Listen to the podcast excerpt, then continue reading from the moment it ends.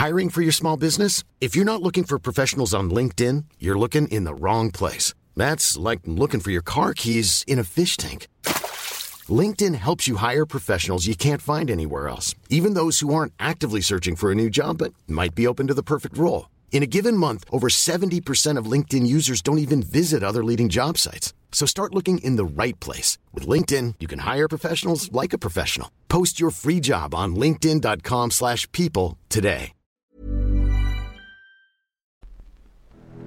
There is a creature alive today who has survived millions of years of evolution without change, without passion, and without logic.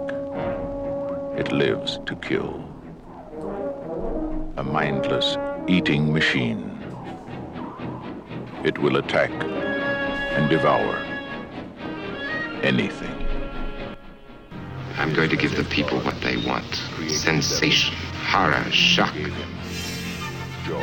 Send them out in the streets to tell their friends how wonderful it is to be scared to death.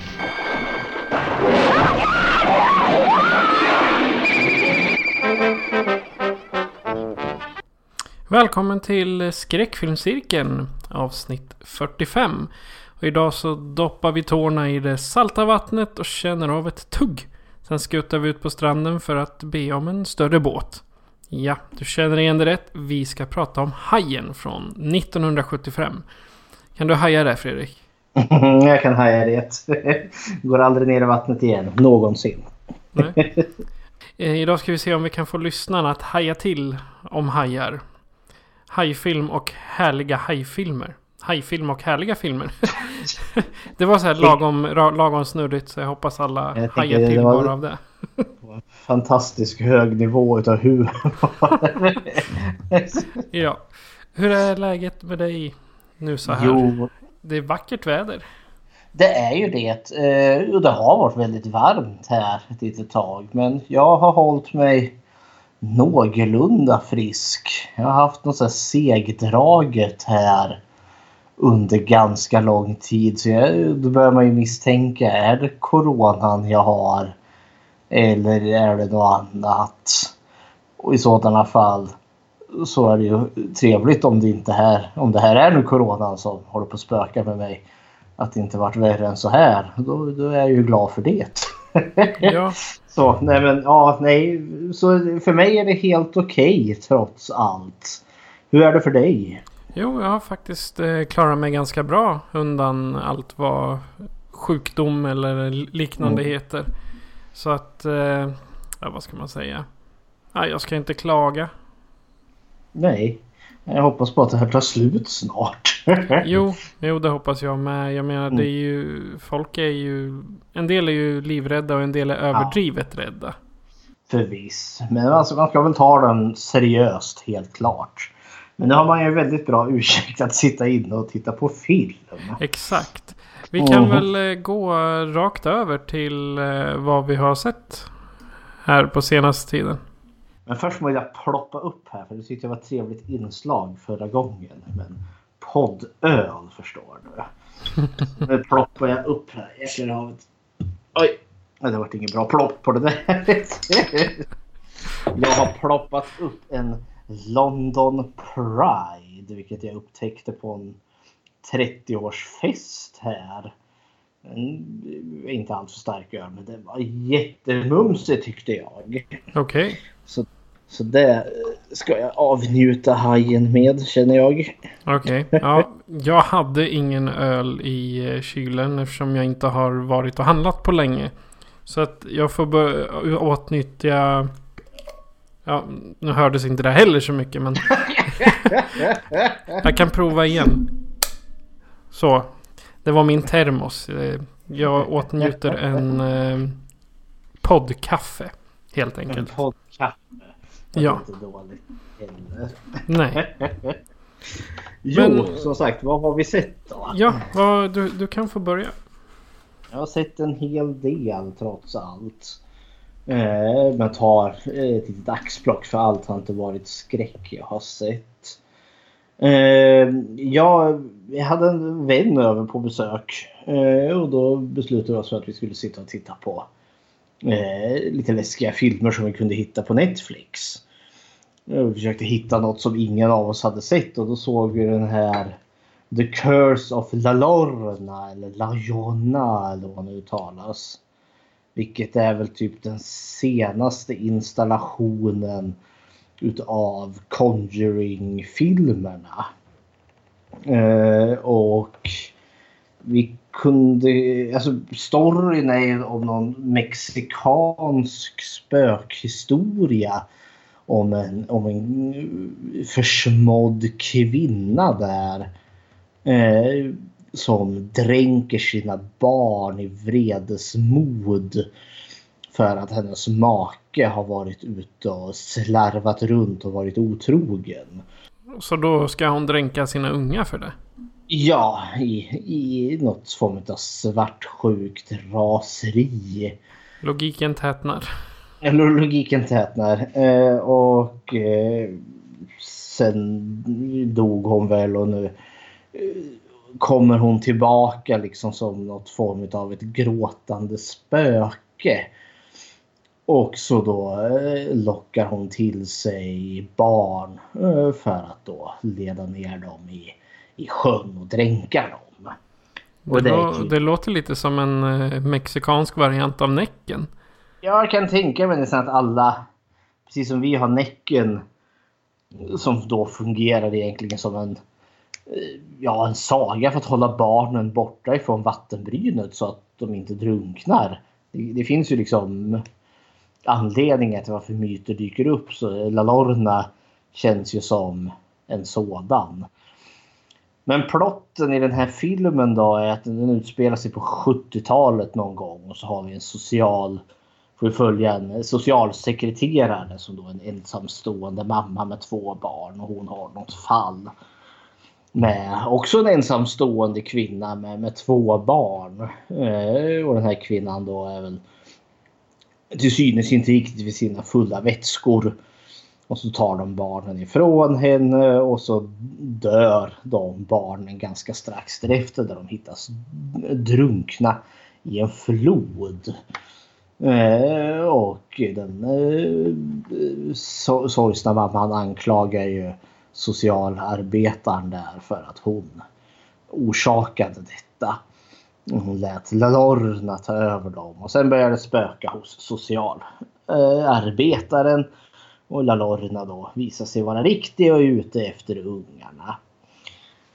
Vi kunde, jag och min kompis vi kunde kallt konstatera, vi har sett en hel del skräckfilm, att det här var en riktigt dålig skräckfilm på det sättet. Att det kändes som att filmskaparen jag vet inte om han aldrig har gjort skräckfilm förut. För det var verkligen liksom det mest simpla sätt att göra skräck på. Det fanns ingen stämning.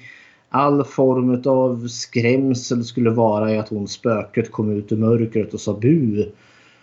Eh, det var ingen uppbyggnad, det var ingen karaktärsutveckling. Vi, kom på oss när vi satt där och tittade. Vi satt och liksom försökte rätta filmen. Hur skulle den här filmen bli bra? Hur skulle den bli bättre? För vi tyckte att det fanns ett bra grund. Paint by the numbers med The Curse of La Lorna. Och den kändes... Nej, alltså den var tråkig. Och det är nästan det värsta en film i vilken kategori som helst kan uppnå. Att just vara tråkig. För en dålig film, eh, säg som säg The Room eller Troll 2 eller något sånt där. Den är ju så, de är ju underhållande för att de är dåliga. Men Curse of La Lorna var liksom en snusfest. Så då, ja, det finns inget att hämta där. Så vi, vi kunde verkligen inte rekommendera. Men då hade vi ändå så påbörjat det här Conjuring eh, temat. Förresten, har du sett Curse of La Lorna? Nej, faktiskt inte. Och jag kan säga att du avskräckte mig något enormt från att ens tänka tanken.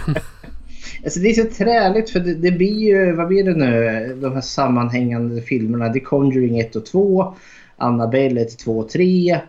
The Nun och sen La Lorna. Så det är sju filmer allt som allt och det är ganska kul. med liksom ett sammanhängande filmuniversum.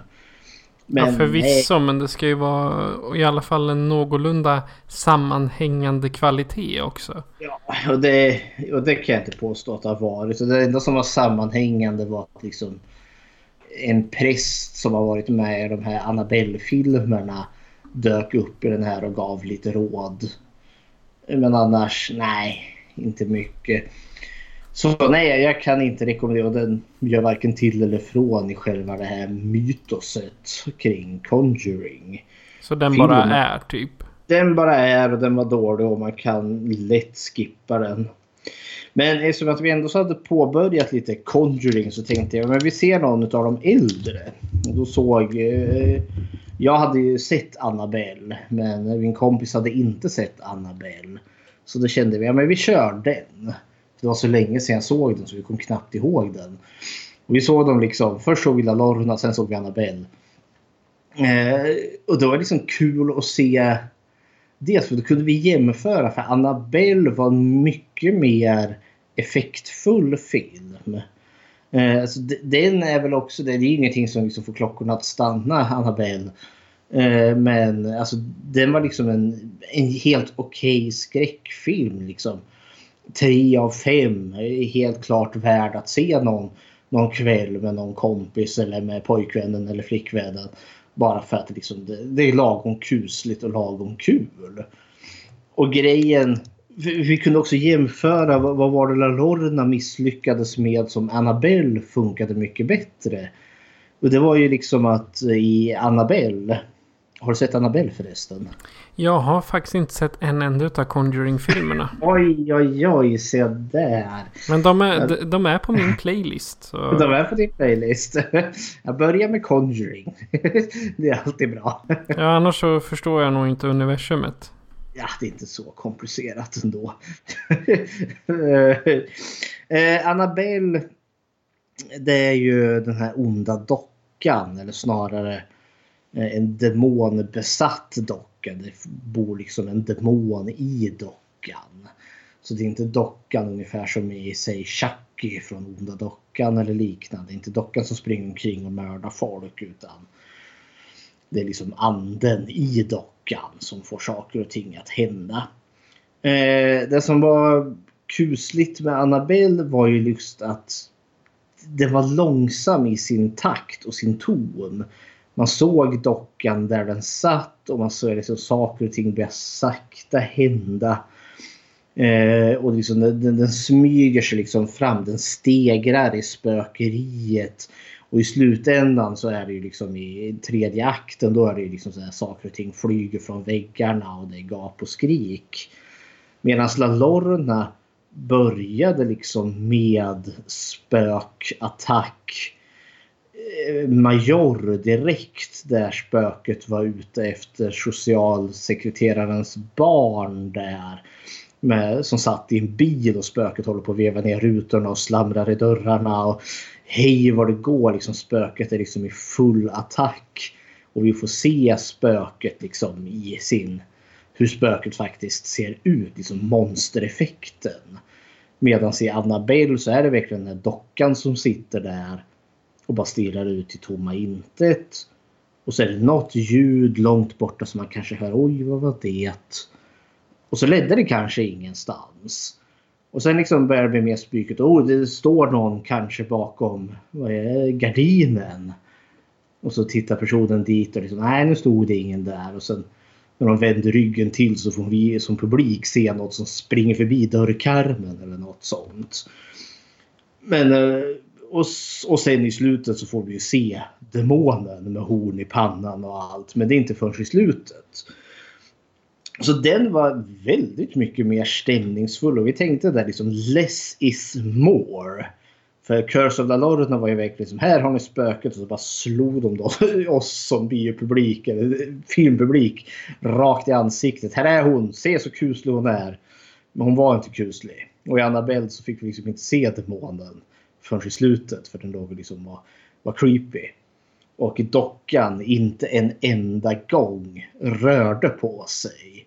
Lame. Nej, och jag tyckte det var tvärtom. det var e- extremt effektfullt för man har fått sett så hur mycket skit som har hänt. Alltså den har rört sig på det sättet att de sätter den på en hylla och sen går karaktärerna iväg och gör någonting och så när man väl kommer tillbaka så sitter den kanske i stolen istället. Men aldrig någonsin går den liksom upp eh, och rör på sig med armar och ben. Den blinkar inte, den pratar inte. För det var liksom som i slutet på filmen efter allt läskigt vi har fått sett. Så är det liksom bara, vi får se dockan som sitter där. Och så liksom zoomar kameran långsamt, långsamt, långsamt in mot dockan. Och liksom bara sitter där, nu kommer det en jumpscare, nu kommer det en jumpscare för dockan ska liksom göra något. Och så kom det ingenting. Utan det bara var bara svart och så kom eftertexten. och jag tyckte det var sjukt effektfullt. Ja, det kan jag tänka mig. Ja, men det, det, det lekte liksom. regi- Det kändes som att regissören här var mer införstådd i vad skräck var. Eller hur skräck funkar på film och kunde ju liksom jävlas med oss som publik. Med liksom att nu bygger vi upp en jump scare och så kommer det ingen jump scare. Medans Curse of La Lorna, det kunde vi, vi hade liksom förutsett hela filmen innan filmen var klar. Och Jag har en bra, en bra kommentar till det. But the agony of my soul found vent in one long, loud, and final scream Ja, li- lite... Eller Vincent Price hade en kommentar. Vincent Price. Vår gamla favorit här. Nej men så det var lite kul. Så, så de två har vi sett. Curse of La Lorna och Annabelle. Och av de två så skulle jag rekommendera Annabelle. Även om det inte heller är världens Hoola Baloo. Det är Eh, kanske så- bra att slå ihjäl någon timme. Eller Ja, helt klart. Ja, men det, det var kuslig och effektfull ändå. Men inte mycket mer. Det är inte så att den har lyckats bli någon milstolpe i, i filmhistorien. Men kul! Sen såg jag om den tredje och sista filmen. Eh, jag såg om en gammal en som jag har sett. Som jag hade liksom på hyrvideokassett för väldigt länge sedan. Som hette Retribution. Och så här, ja, gjord 87 någon gång. Eh, som jag kom ihåg eh, när jag såg den hemma på pojkrummet. Var ganska effektfull. Eh, och den fastnade liksom i mitt medvetande av någon anledning. Och nu hade jag turen här och snubbla över den på en eh, på Blu-ray, någon tysk utgåva. Ooh, nice. Jajamensan. Och jag såg om den och jag tyckte nog att ja, den var väl värd att söka upp igen. Plotten är en självmordsbenägen man som liksom hoppar i filmens början och slår i, i backen. Men så dör han inte utan vaknar upp på sjukhuset sen. Eh, men så har han massa läskiga drömmar. Han verkar som att eh, han drömmer om personer som han aldrig har träffat förr och att han i drömmen då söker upp de här personerna. Och han är som helt förbytt. Han är ganska tafatt och tafflig men i drömmen är han en väldigt liksom mer säker och medveten person. Eh, Men så får han liksom demoniska krafter i de här drömmarna. Och så ger han efter de här personerna som han drömmer om. Och, så, och det slutar alltid med att den här personen dör en fruktansvärd och våldsam död. Eh, och sen när han vaknar upp alldeles kallsvettig och dan och undrar vad det var. Och sen i nyheterna kommer det ju den här personen som han såg i drömmen har ju dött på det här fruktansvärda sättet. Och så undrar han ju liksom vad är det som händer? Jag vet inte. Jag, jag tänker inte säga mer än så. För jag tycker den här filmen är en liten doldis, en 80-tals doldis.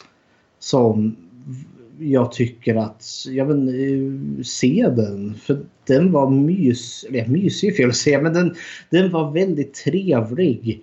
Jag kan inte påstå att den var liksom jättekompetent som film. För det känns som att det är någon som har haft en dröm, en idé, någon som har skrivit ett manus. Och nu ska vi göra en film och har lyckats spara ihop pengar och fått ihop liksom ett, ett kamerateam och skådespelare.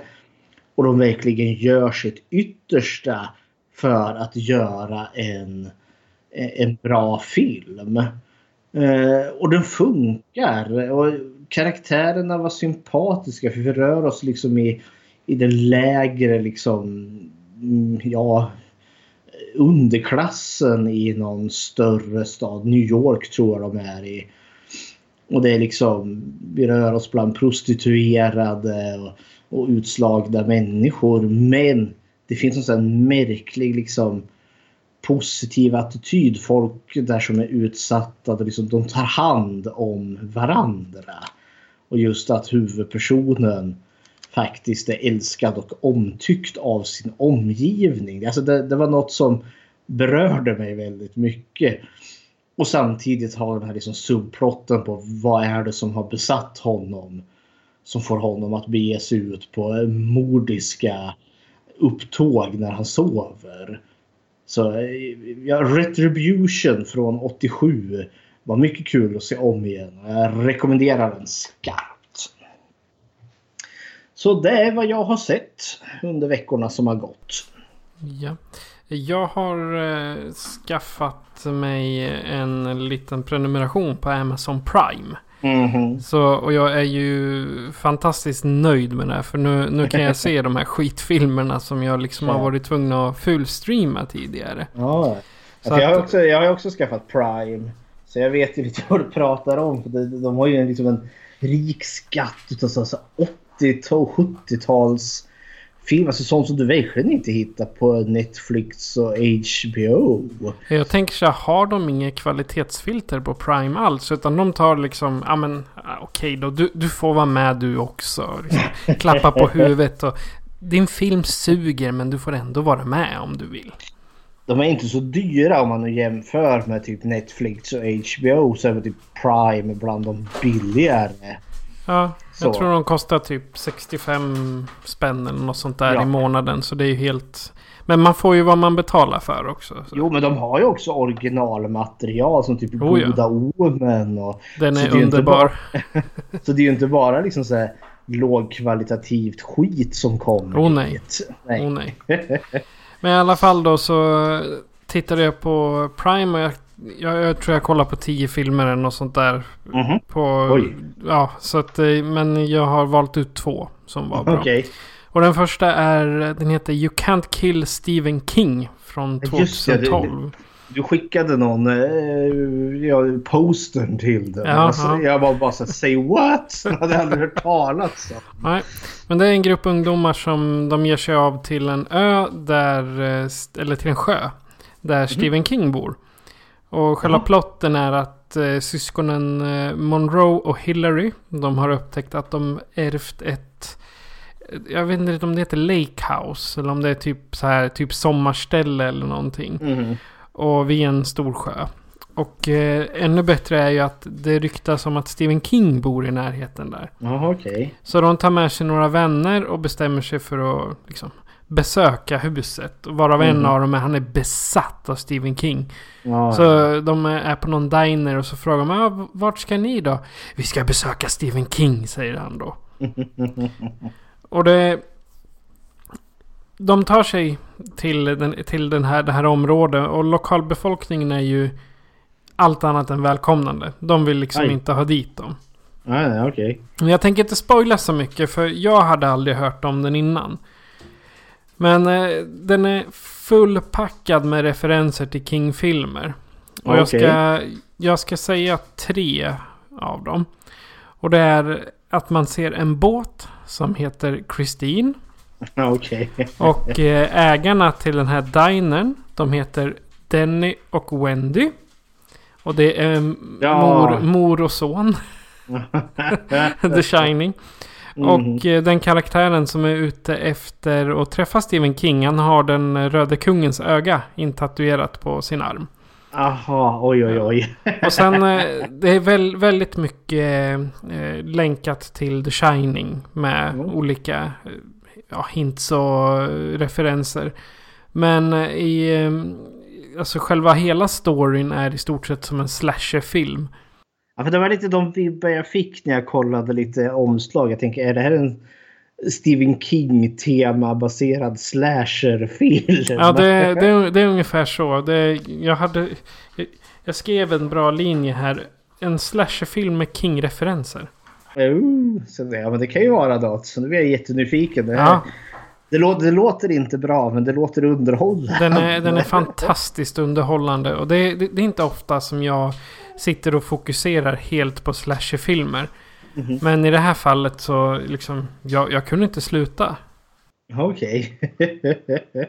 Och sen fortsatte jag då på Prime och jag lyckades hitta The Last Man on Earth från 64.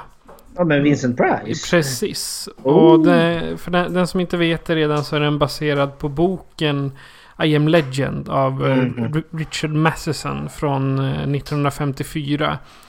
Och i eh, The Last Man on Earth så spelar Vincent Price Dr. Morgan. Han Mhm. lever i en värld där alla har blivit smittade av ett virus som förvandlar dem till vampyrer. Ja. Och eh, genom ett gäng flashbacks och sådana här eh, typ drömmar så får man se hur Morgans familj smittade, smittades och dog.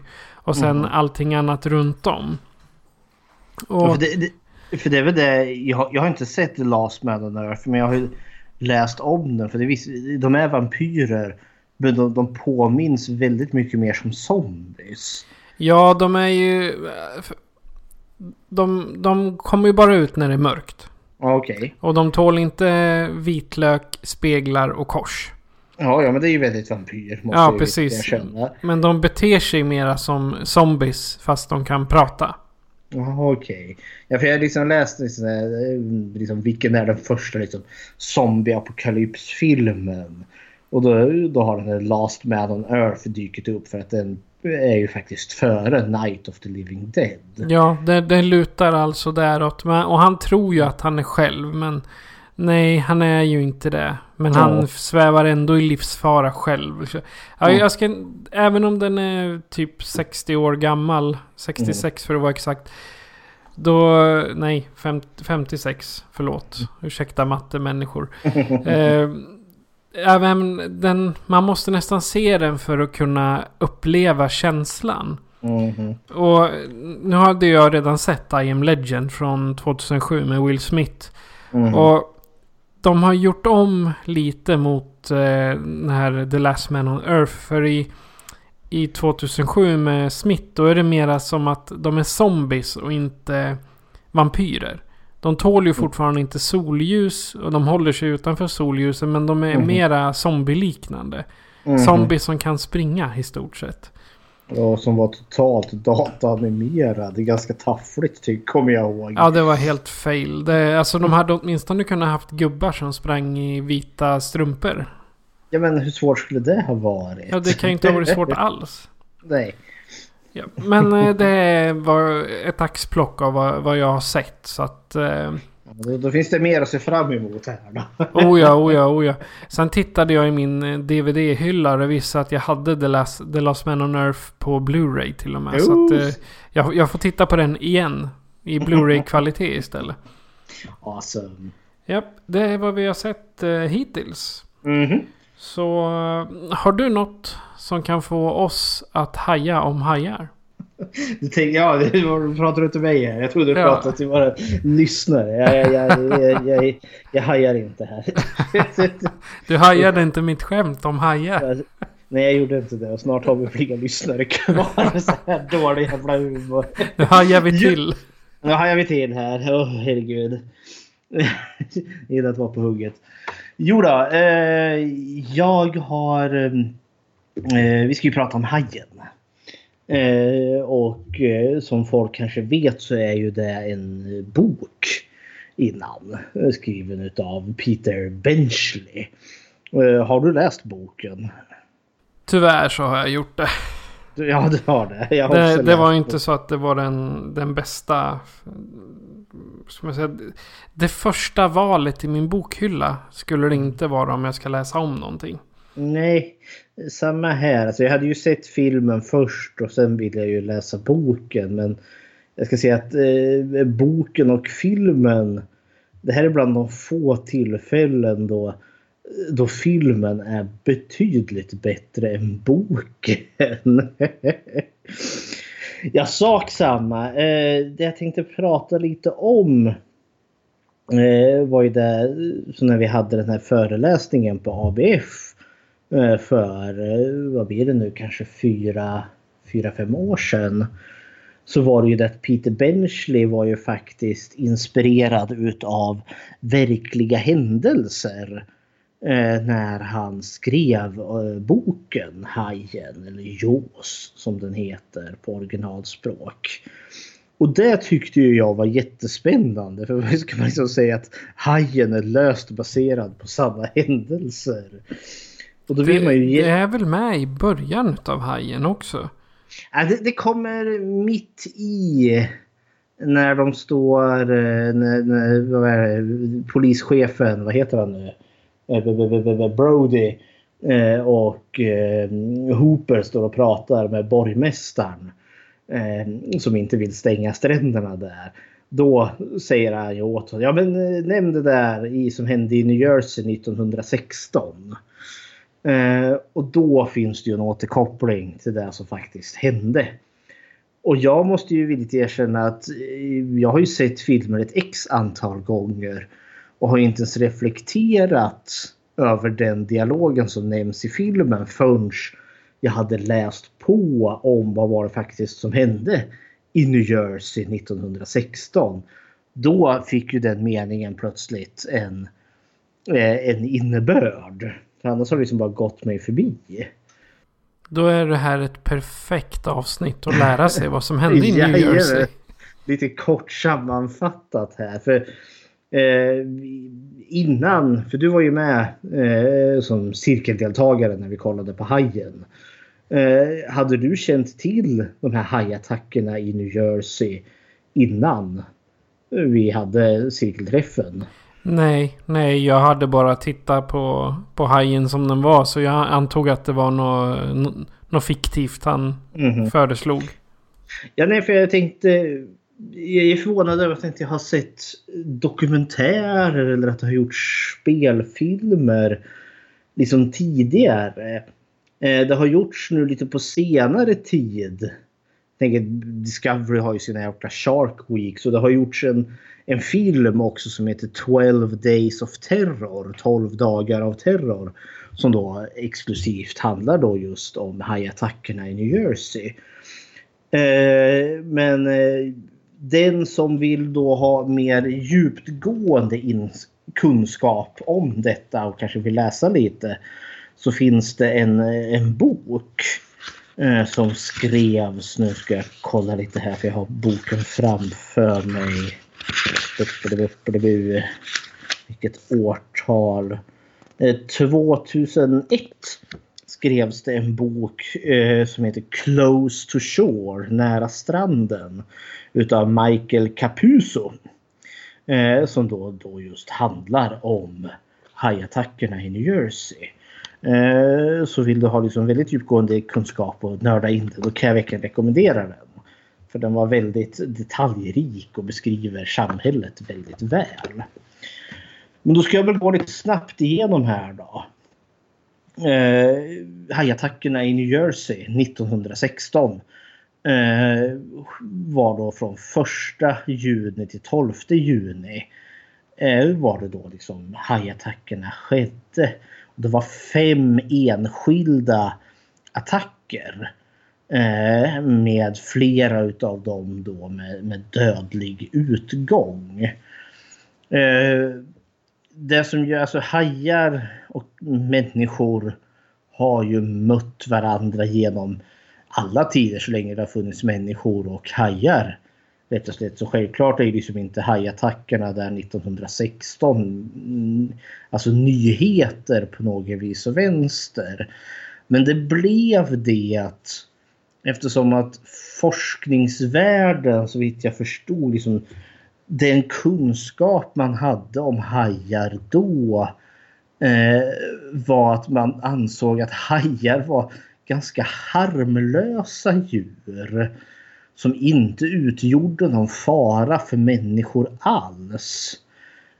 Och det är lite lust Ja, det är lite lustigt för mig. För jag, liksom, jag är ändå så uppvuxen i en... Jag är född 82. Jag är liksom född i en era efter filmen Hajen.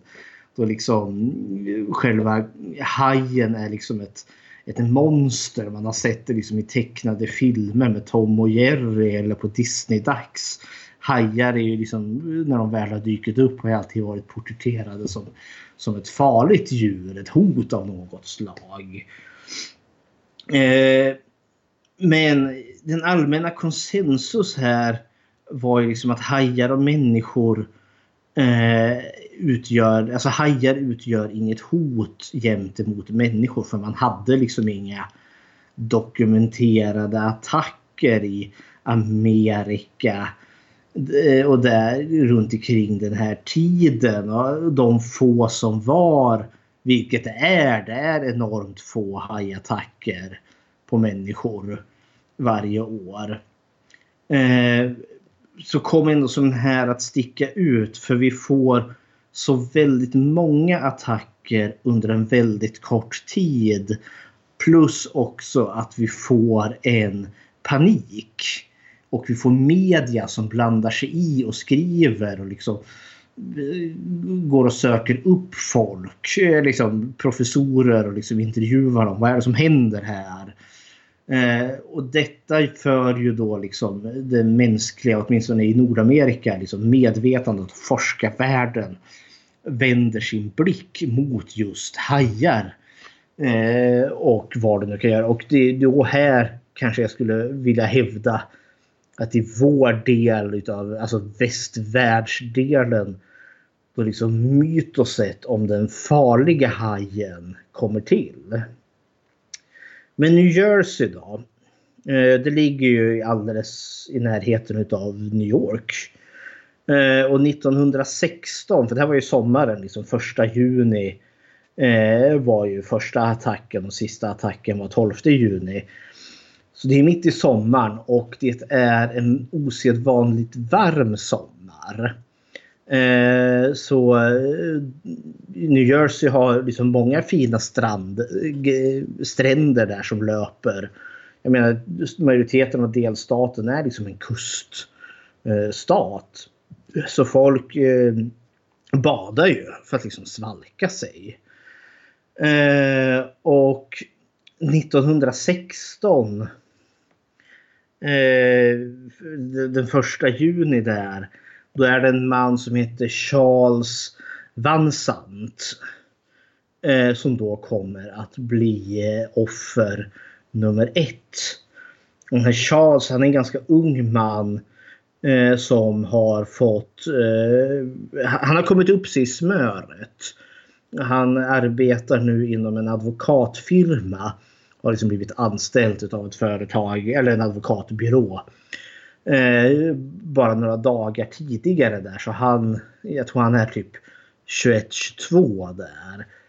Och han, har, liksom, han är nyligen gift och de har köpt hus. Liksom, hela framtiden ligger framför. Och nu är han ju där och liksom inspekterar sitt nya kontor och känner väl att livet är gott. Eh, och så är det varmt och det är liksom lagom till lunchen. Så han tänker, han drar på sig eh, bad, eller ja, badbyxor är inte. På den här tiden är det så här badkläder som täcker dig från topp till tå.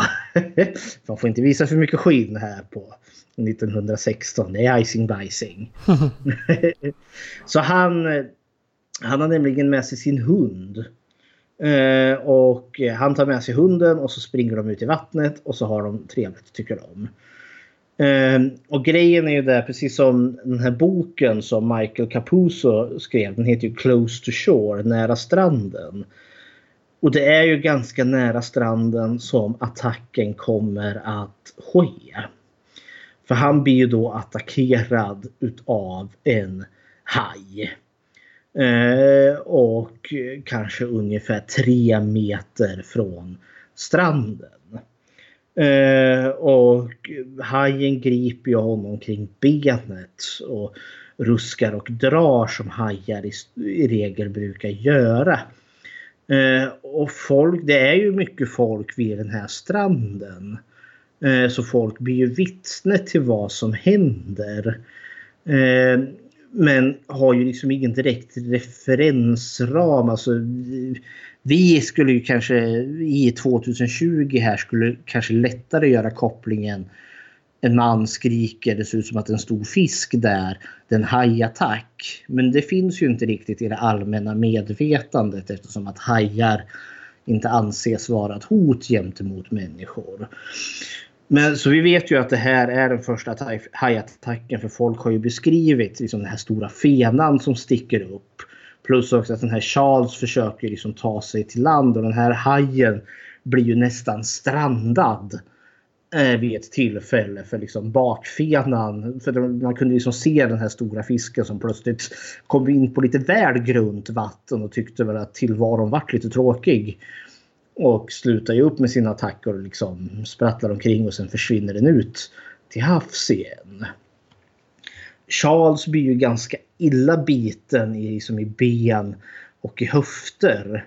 För så som folk från stranden beskrev så var det att den här fisken som de tyckte det då var eh, liksom, var ju liksom på honom liksom om och om igen. Den liksom simmade fram och gjorde någonting med honom och liksom vattnet vart rött och så höll den sig lite på avstånd och så kom den tillbaka igen och så var det liksom fram och tillbaka.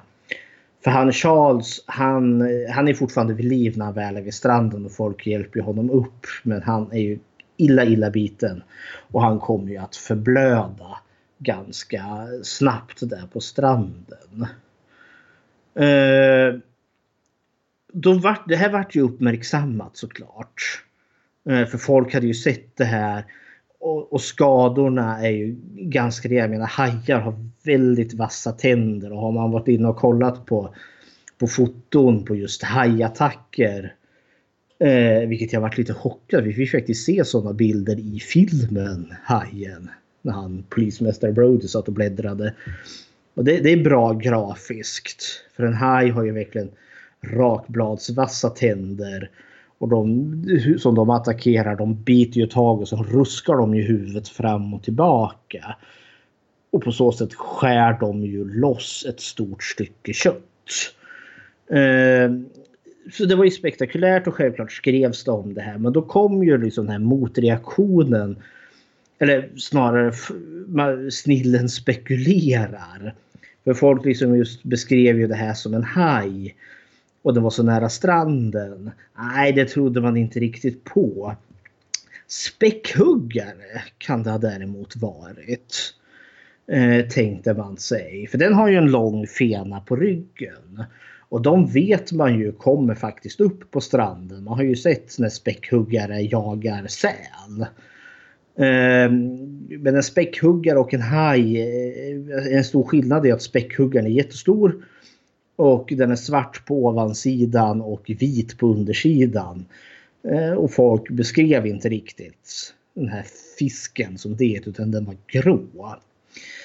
Men eh, nej, vad vet folk? Alltså forskare, de har ju faktiskt lite mer koll här trots att de inte var på plats och såg det här. Så man, man dömde det som osannolikt. Eh, och om du ändå så var en hajattack så trodde de att då kanske det var hunden hajen var ute efter.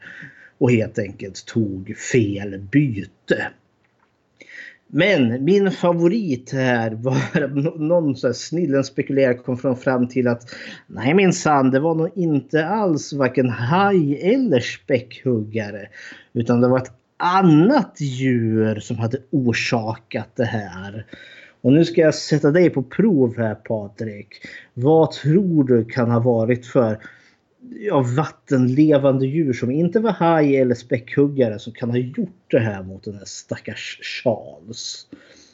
Om jag får gissa så skulle jag säga att det var en delfin. Nej, det var inte delfin. Det är dummare än så. Okej okay då. En, eh, Abborre? Nej, det är alldeles för svenska vatten. Vi är i New Jersey här förstår Ja, du. okej. Ja, nej, du, du har berättat det men jag kommer inte ihåg. Ja, det är sköldpaddor.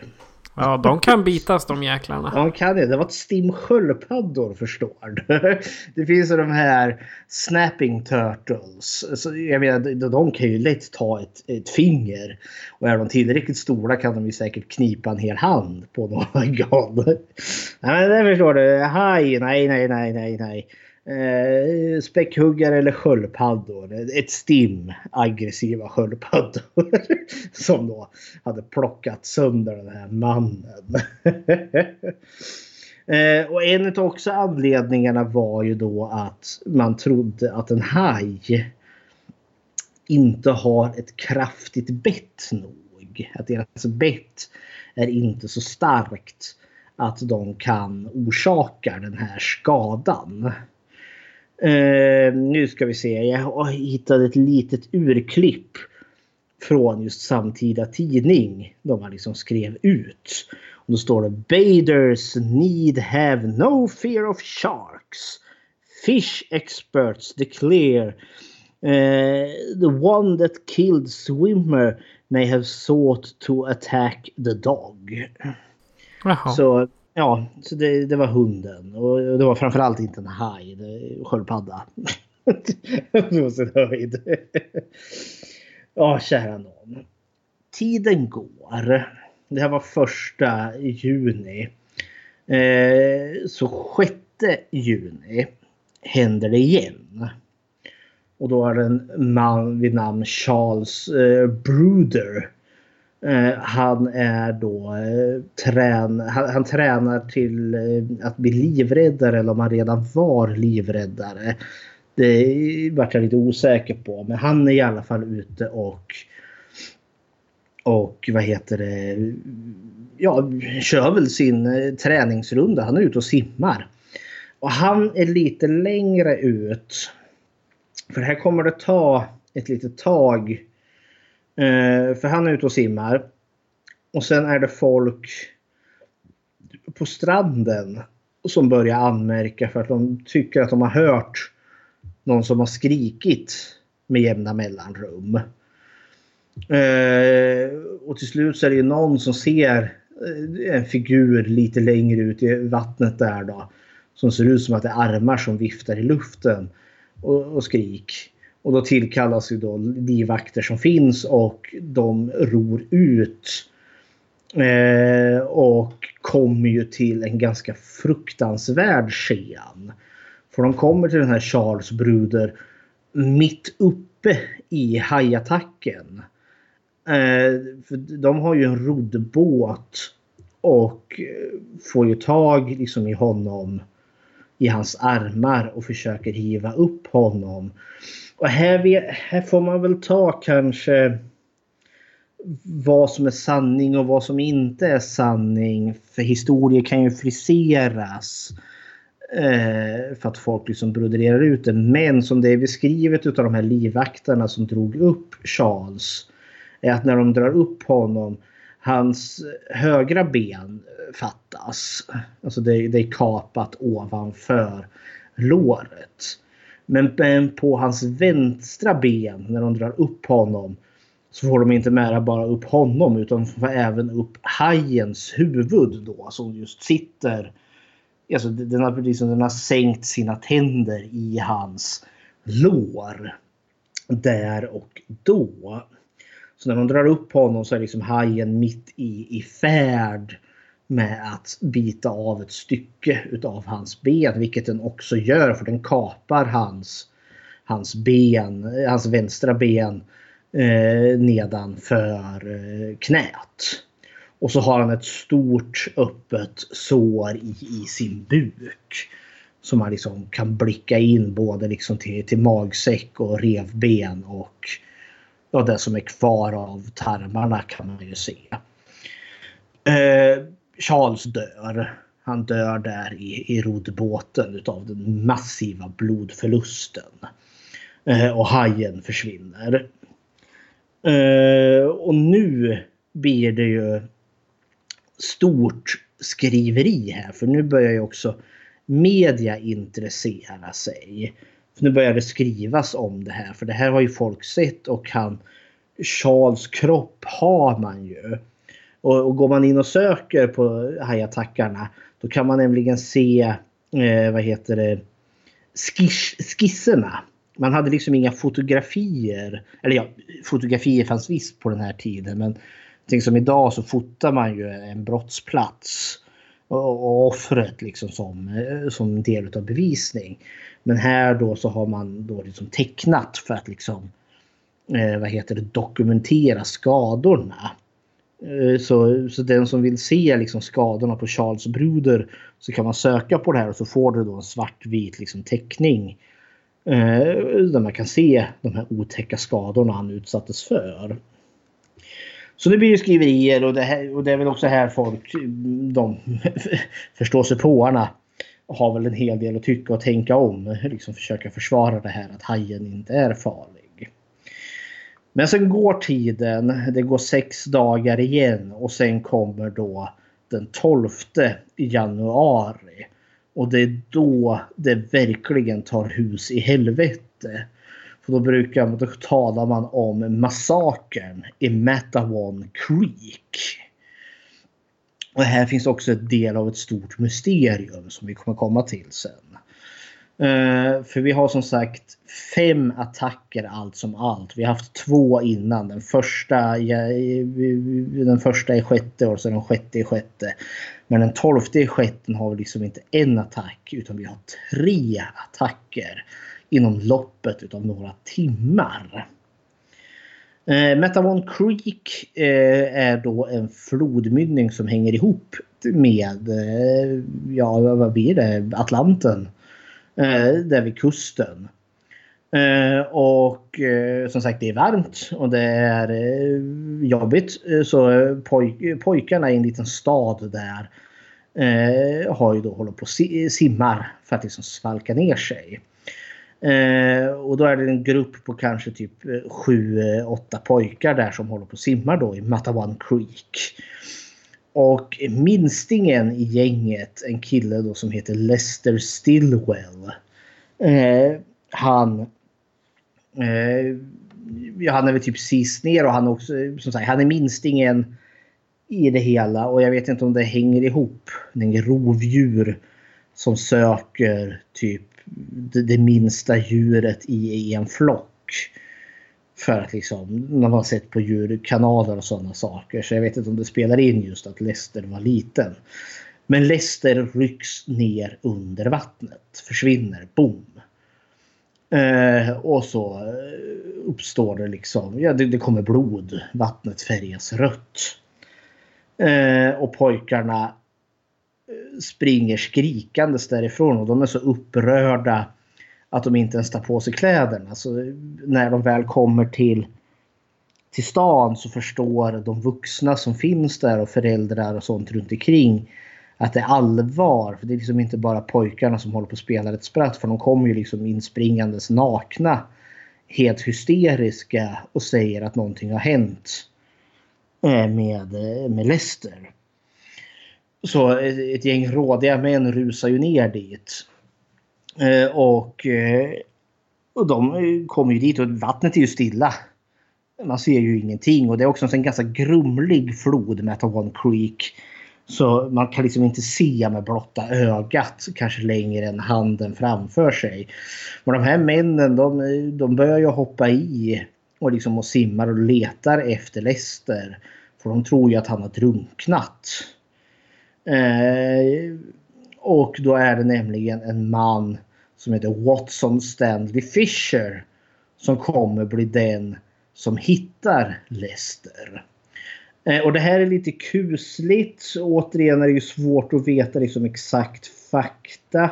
För Det kan ju liksom vara efterhandskonstruktioner. Eh, men eh, så här ska handlingsförloppet ha varit. Att Watson ska ha kommit upp och sagt jag har hittat Lester. Men det är ett stort djur som äter på honom. Han har hittat Lester då i, vid, vid flodbottnen. Och sen ska då ha eh, Watson ha dykt ner igen. Eh, och han kommer då faktiskt upp med Lester eh, döda kropp då. Men när han väl ska simma tillbaka igen då blir han attackerad. Då kommer hajen och hugger honom över och drar ner honom. Eh, men eh, ja, det som resulterar i då är ju att, Les, eh, att eh, Watson eh, kommer upp igen men han är illa biten över benet. Lester har ju då i, i kampen med, med hajen här eh, har försvunnit ner. Eh, och eh, Watson eh, körs ju med ilfart till, eller ja, de bär honom till, eh, till den stins som finns. För det finns ett tåg i närheten här. Eller en järnväg. Och sen ska de då köra honom med, med, med tåget till, till stad, närmsta stora stad där det finns sjukhus. Men Watson förblöder. Eh, i detta som har uppstått så är det en av fiskarna här som har sett allt detta. Han är ju då jätteskärrad. Och han beger sig på sin båt. Han, han tar sin liksom, lilla motorbåt. Han har en liten utombordare där. Och så far han ner liksom. För att varna folk. Han, skriker liksom till folk. Försök liksom upp ur vattnet. Det finns ett monster som äter folk. Och folk tror inte riktigt på honom. Skrattar. Och folk är inte riktigt införstådda i vad som har hänt heller. Men då kommer vi då till den sista attacken. För då är det återigen ett gäng pojkar eh, i, som simmar lite längre ner i Matawan Creek. Eh, och det här är ganska kusligt för, för, det här finns också ganska väl dokumenterat. Så dels har vi fiskaren men vi har också liksom ett, eh, tre kvinnor som sitter och har en picknick som blir vittne till vad som komma skall. Eh, och då är det en pojke vid namn Josef Dunn som kommer att bli attackerad. För de här kvinnorna varnar nämligen ut för de ser ju nämligen fenan som sticker upp ur vattnet och som kommer då i ganska snabb takt i riktning mot pojkarna. Och pojkarna i sin tur har ju blivit varnade och eh, den här mannen i, i båten finns också i närheten där. Eh, så de skyndar ju snabbt för att liksom ta sig till, eh, till bryggan. Och när det är som så att alla hinner upp förutom Josef Dan för han ska precis till att ta sig upp då hajen attackerar och eh, tar honom över benet. Men tack och lov så är då Josefs äldre bror precis i närheten. För han är liksom precis halvvägs tagit sig upp på bryggan.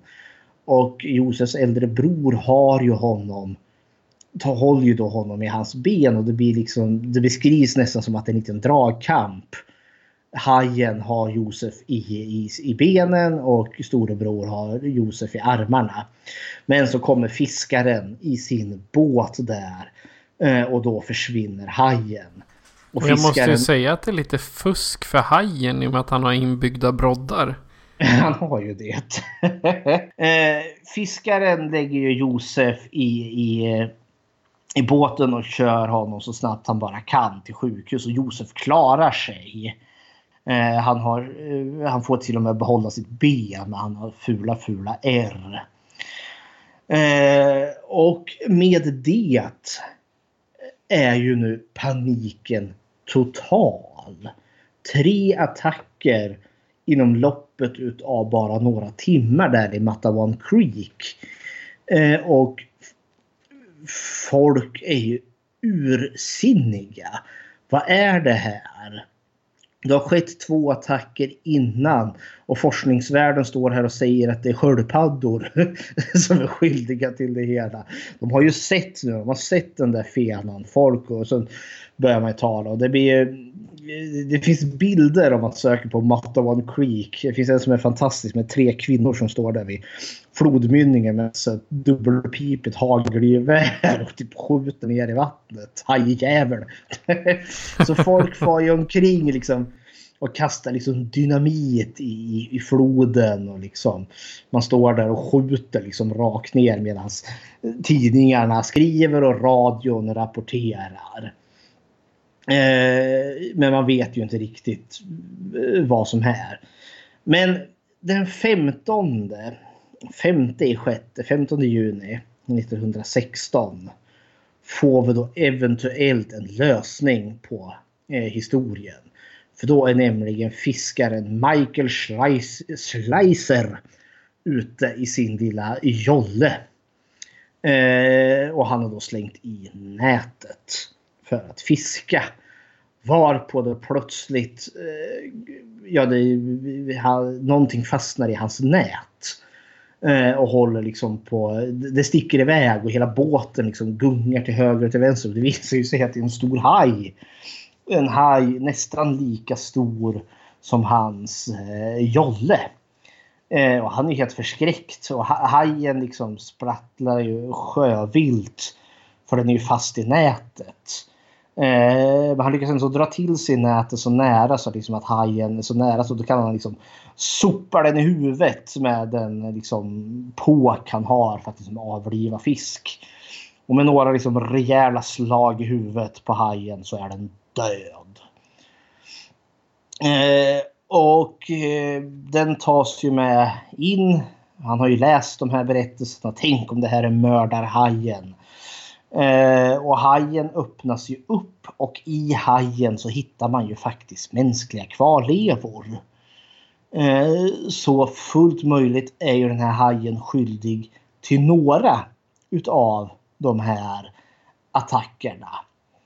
Eller om någon människa kanske har förolyckats ute till havs och ligger på sjöbotten som hajen har ätit upp som man inte känner till. Det vet man inte. Oh, gratis matlåda! Gratis matlåda. Men efter det här så blir det ju inga mer attacker i, eh, i New Jersey den sommaren. Eh, så då har vi ju den här liksom fantastiska berättelsen om en sjöstad. Eller ja, här är ju specifikt inte en stad som är drabbad utan de här attackerna om man petar ut dem på en karta skiljer sig. Det är väldigt många, liksom tiotals mil mellan attackerna. Eh, men du har ju också paniken, du har hajattackerna, du hade myndigheten som inte trodde på, eh, på, på folk här. Och allt detta tog ju då Peter Benchley och eh, gjorde sin, sin bok Jaws som då blev Hajen. Det som är mysteriet, för det finns ett mysterium kring hajattackerna i Metamon Creek.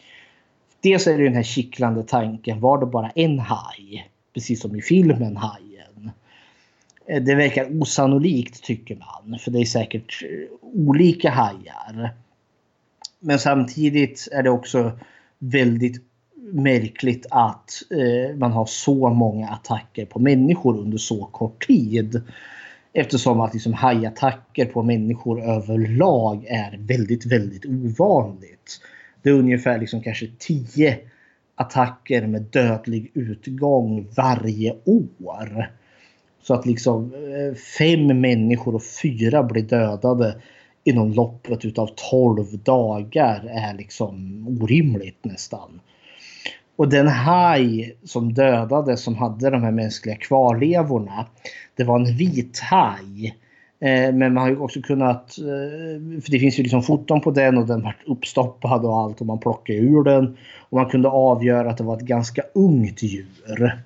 Så liksom det är ett ungt oerfaret liksom djur som då inte riktigt är eh, vad heter det? Ja, men som inte har lärt sig att jaga kanske ordentligt och människor varit lätta byten. För jag menar människor är inte byten utan det är liksom tonfisk och säl. är det som vithajar jagar. Så, så den hajen är ju verkligen liksom misstänkt nummer ett. Grejen med en vithaj är att den eh, lever uteslutande i saltvatten. Eh, floden Metawan Creek är en sötvattenflod. Eh, så det skulle inte riktigt, det skulle inte vara en naturlig plats för en vit haj att simma där. Däremot finns det den här hajen som kallas för tjurhaj. Eh, den kan obehindrat röra sig i salt och sött vatten. Och den tillhör också en av de här lite mer farligare hajarna. Eh, liksom som är, ja, men den är stor nog också liksom för att kunna ta livet av människor. Och det finns dokumenterade attacker med dödlig utgång då tjurhaj är involverad. Så det verkar, ja, det, det verkar ju lovande att det kanske var en tjurhaj som gjorde saker omkring Matawan Creek. Men vi har ju också vittnen som har beskrivit den. För vi har ju den här attacken på Josef Damm som skedde där vid bryggan. Och de beskriver ju ändå så det här djuret. Eh, och vi har ju Watson som vart biten där när han försökte hämta Lesters kropp. Han dog ju inte på en gång utan dog ju senare på tåget. Han beskrev ju också djuret och de beskrev ett djur med en spetsig nos. Och vithajar har spetsig nos.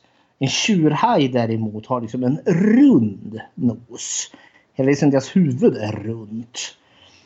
Så, men sen vet man ju liksom inte riktigt om det finns efterhandskonstruktioner här också. Eh, Watson är väl den som kanske känns mest tillförlitlig för han berättar ju saker och ting innan han förblödde till döds medan pojkarna eh, Josef Dunn kan ju senare ha sett fotot på den här hajen som Michael Schleiser hade ihjäl. För det är ju en vit haj. Och sen då kanske gjort en överföring till vad man minns själv. Sak samma. Det är berättelsen om hajattackerna i New Jersey som senare då vart hajen. Vad sägs om det? Det är väldigt spännande och framförallt en väldigt intressant samtidshistoria. Jaha. Och det blir ju, mm. alltså samtid och samtid, men det är ju åtminstone inom hundra år för oss. Ja men det är ju det. Och som sagt, skulle du liksom vilja läsa om detta så eh, Michael Capuzos Close to Shore. Där har du boken. Gjorde de en dokumentär om det där också? Jag har inte sett någon. Jag vet att det kom ju en spelfilm som hette då 12 Days of Terror. Eh, som då just mer då handlar specifikt om hajattackerna i, i, i New Jersey där. Sen vet jag, det, det var ju något skriveri här. Inte för allt för jättelänge sedan. De här hajattackerna i Egypten. Kommer du ihåg det? Nej, faktiskt inte. Nej, för det var någon sommar där det också var så här osannolikt mycket hajattacker i, i, i, i Egypten. Jag kommer ihåg det läckte som så här, du vet Onion som gör sina falska nyheter, så skämtnyheter.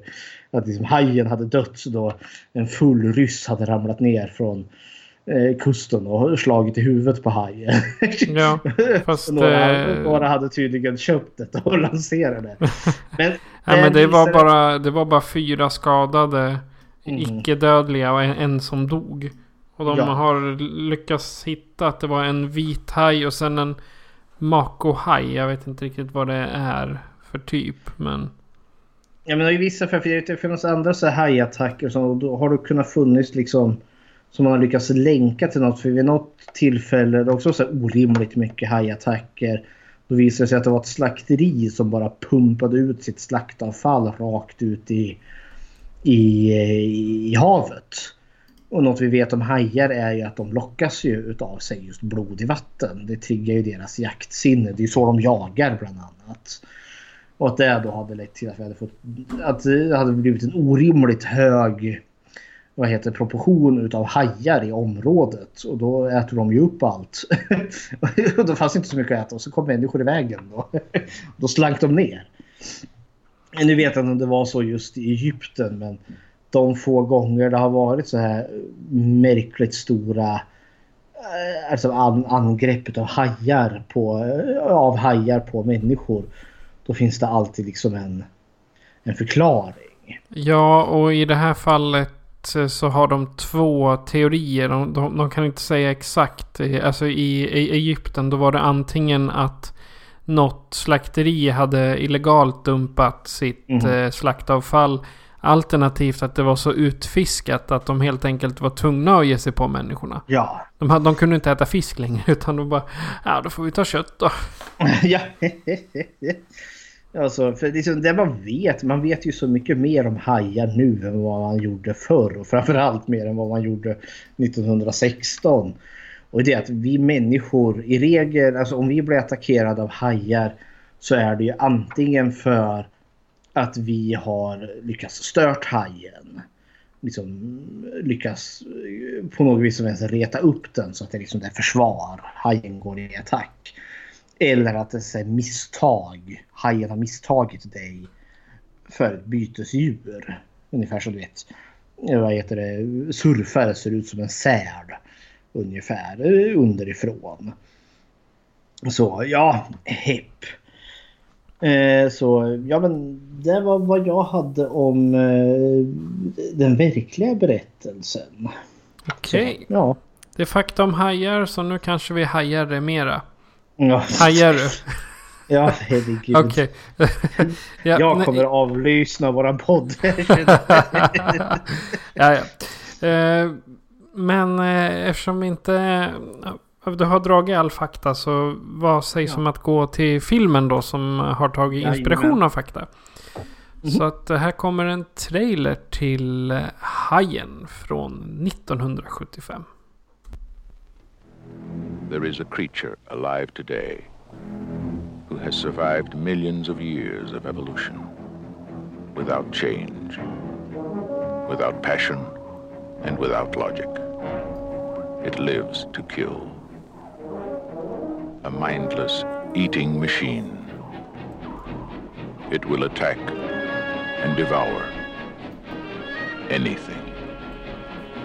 It is as if God created the devil and gave him jaws.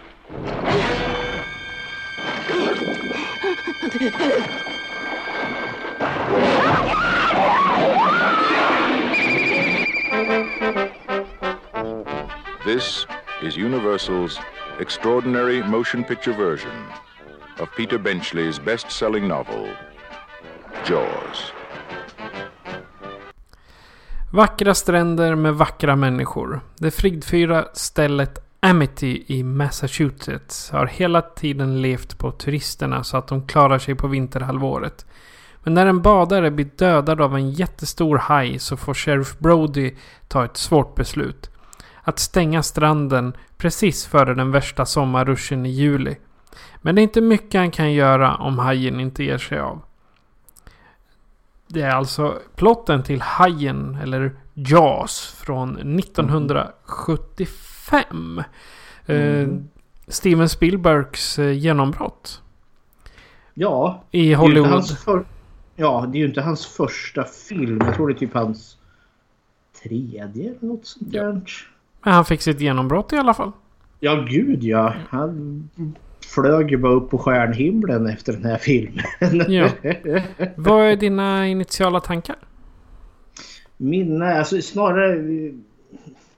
Vi brukar köra initiala tankar här men alltså Hajen tänker jag är så vida känd. Det är liksom verkligen den här filmen som jag tror som finns i allas medvetande. Så jag tror vi kan ändra den här frågan. När kom du i kontakt med Hajen för första gången? Eh, så jag kommer bolla tillbaka. Jag ska väl svara på min egen fråga först. Ja, gör det. När kom du i kontakt med Hajen först? Ja, för jag tänker liksom att Hajen, filmen Hajen är så ikonisk. Så jag tror de flesta liksom känner till om, alltså, även om man inte ens har sett Hajen. För liksom signaturmelodin, den här dam, dam, dam, dam, dam, dam, dam, dam. Liksom, bara man gör den eller liksom sitter och slår två tangenter på ett piano. Ja, men då vet folk exakt vad det gäller. Så liksom medvetet, alltså så liksom insprängd i, liksom, i vårat medvetande finns den. Eh, och jag kommer ju ihåg själv att liksom eh, mitt liksom första möte med Hajen är liksom, är nog säkert att jag har hört liksom själva signaturmelodin. långt innan jag ens såg filmen. Eh, för jag kommer ihåg att eh, jag såg faktiskt film nummer två först hemma hos en kamrat. Då fick jag inte ens se den i sin helhet för han hade liksom eh, vad heter det, bandat den på, på, på, på, från tv. Men glömde liksom att eh, tryckte på stopp innan slutet här så jag fick aldrig se hur filmen slutade. Men det gjorde mig nyfiken för den fanns på i hyrvideobutiken så fanns ju första filmen. Eh, och jag var ju liksom 13 år där någonstans och brorsan är ju tre år yngre så han är ju 10. Och jag menar han var ju liksom han var ju liksom som en svans på mig under en längre tid och då vart det liksom när, eh, när jag tittar på film då tittar ju han också på film såklart. Stackars unge, traumatiserad vid 10 års ålder. och jag ville ju liksom se, för jag liksom gillade ju det här men det var ju mycket hemma hos kamrater som hade just eh, diverse olika skräckfilmer som hade kanal 1000. Liksom hade parabol på den tiden som kunde banda in. För vi hemma hade vi liksom ettan, tvåan, fyran. Det var vad vi hade. Eh, så det var ju hemma hos vänner som jag liksom kunde se skräckfilmerna. Eh, det var inte så att mamma och pappa var emot det på något vis och vänster. Vi hade till och med liksom att man kunde hyra fyra filmer för fyra dagar för 44 kronor. Den där klassiska stjärnvideo ja. på Karlavägen. ja, eh, och här... För det gjorde vi där liksom och så sov vi över hos en kamrat. Så satt vi uppe på kvällarna där och tittade på äh, läskiga filmer. Men då lyckades jag övertala äh, min mamma och pappa när vi var inne i hyrvideobutiken. För då brukar vi få liksom, för det var ju fyra filmer så då kunde mamma välja en, pappa en, jag en och brorsan en. Syrran var på tok alldeles för liten så hon fick inte välja något. det var hårt. Nej, nej, nej, nej, nej. nej men och då hade jag gått runt för jag hade ju sett, jag hade ju sett tvåan eller åtminstone större delar utav tvåan. Eh, så då gick jag ju och såg, för den fanns ju där, Hajen, i butiken. Jag ville hyra den och mamma var liksom såhär, nej, den är för läskig. Och, eh, och brorsan kommer ju se den. Men då var jag övertygad, men det är inte så läskigt. liksom. Det är bara folk som försvinner under vattnet. Och så var det inget mer med det. Ja, det kunde de köpa. Det, det var inte så grafiskt. Så jag var väl där liksom 13 någonstans när jag såg den för första gången. I sin helhet. Eh, och då hade jag ju som en viss förförståelse eller åtminstone man kände till liksom musiken och jag hade sett uppföljaren. Och jag kommer ihåg att jag var ju ganska det var en upplevelse att se den. Eh, dels film nummer två hade ju mycket högre, det är ju, det är ju mer som en slasherfilm. Alltså tonåringarna dör på löpande band i den filmen. Men det kan man ju inte säga om första filmen. Men av någon anledning så byggde ju, så var jag nästan kallsvettig och den här filmen liksom påverkade mig så mycket mer när jag såg den i sin helhet. Och stundom tyckte jag den var märklig för den skulle ju vara en skräckfilm. Och samtidigt så kunde den ha väldigt glattig musik när de åkte ut där för att jaga hajen. Då var det liksom plötsligt jättepositiv musik. Liksom. Tradeleri tradelera. Kudos till John Williams där. Så för mig har den här filmen varit en sjuhelsikes upp, eh, liksom, eh, upplevelse när jag väl såg den för första gången och liksom verkligen fastnade för mig. Så, så det var min långa harang till hur när jag liksom mötte hajen för första gången. Har du ett sånt tydligt minne när du såg hajen för första gången? Alltså hajen hittade jag i en eh, Nice Price box. Eller en mm. Nice Price låda någon gång för jättelänge sedan. Men eh, det, det, var första gången jag hittade Hajen från 75. Innan mm. det så tror jag att jag hade sett typ Hajen 3 eller 4 på TV6 eller ZTV mm. eller om det var trean eller något. Det var något riktigt... Eh, för ett tag på, nä på nätterna så var det att de visade skräckfilm vid mm. 12. Och jag hade ju en egen videobandspelare och eh, lite senare när eh, Boxer kom så hade jag inspelningsbar box. Och då såg Ah. jag liksom hajen. Om det är läskigt bra, jag spelar in det. så tittade jag på det dagen efter. För jag menar... eh, Jag vet inte om jag har sagt det förut men jag har ju haft epilepsi i ha- halva livet. Och ibland när man var riktigt dålig då liksom enda man orkade med var att sitta och titta på TV. Mm. Och då, då var det perfekt där man kunde banda från TVn under nätterna. Och så hade man där på dagen om man mådde dåligt att titta på. Och då särskilt skräckfilm var något som kom från, ja, på natten då. Och jag, jag, jag tror jag såg trean eller fyran först. Och riktigt kvalitativa Ja exakt, det var så här, riktigt, riktigt, riktigt bra kvalitet. Och sen då i, i när, jag kollar där på i DVD-lådan, liksom 3 för 99 eller vad det var, så ligger hajen där. Mhm. Okej, tack så mycket. Jag tar den och så stoppar jag i min, i min DVD-spelare och tittar och ser vad var det för skit jag har sett innan? Liksom. så att hajen hade jag först bara hört om. Och sen så tänkte jag, ja men det här Hajen 3 och 4 det är väl uppföljare på den andra Hajen. Så jag, jag kanske kan se den senare. Nej, herregud. Ja, nej men jag såg Hajen 3 eller 4 först. Och sen kom jag, hittade jag den riktiga Hajen och jag är väldigt glad över att jag hittade den för den är ett mästerverk. Mm. Och den hör till historiens bästa filmer. Ja men det tycker jag. För det, det, det, jag tror vi är rörande överens här. För jag skriver helt under att Hajen är ett mästerverk till film. Eh, för jag, med alla det sett och jag tänker ju även som ung uppskattade jag den som 13-åring där. Då jag kanske var med liksom inför fredagen den 13 vad heter det, feeling. Alltså det skulle vara naket och blod helst var femte minut. Och det kan man inte beskylla hajen för att den har det. Det är ganska långa stunder innan det händer något. Men alltså den är ju, nu vet jag inte hur, är den typ drygt två timmar? Jag tror att lite, 2.04 är eh, min Oj. utgåva i alla fall. det var inte dåligt. Alltså det- två timmar och fyra minuter. Ja, den känns aldrig långsam den här filmen. Det händer något och ju äldre jag har blivit så när jag såg om den. Jag tror eh, jag, hade, jag såg om den i, i skräckfilmscirkeln på ABF för kanske ja, vad blir det, fyra fem år sedan här nu. Och det var ju då första gången jag såg den med mycket större publik. Eh, och det gjorde sitt till också för liksom, ja men man pratade om filmen sen och kunde verkligen uppskatta den. För den, den har så ofantligt mycket till sig. Som gör den så bra och så annorlunda. För alltså, det är helt klart en skräckfilm.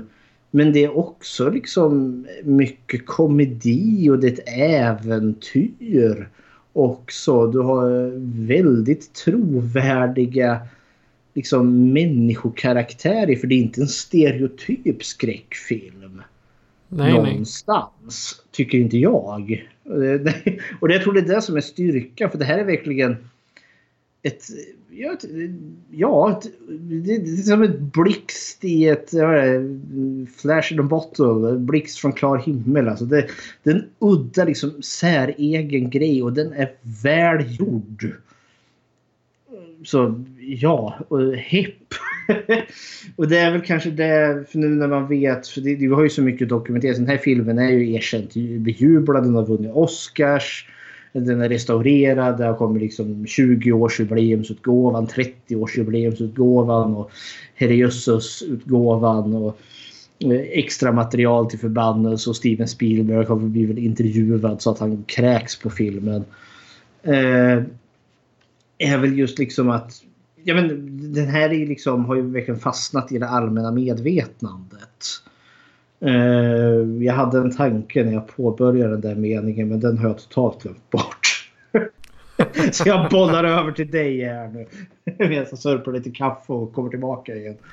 Ja.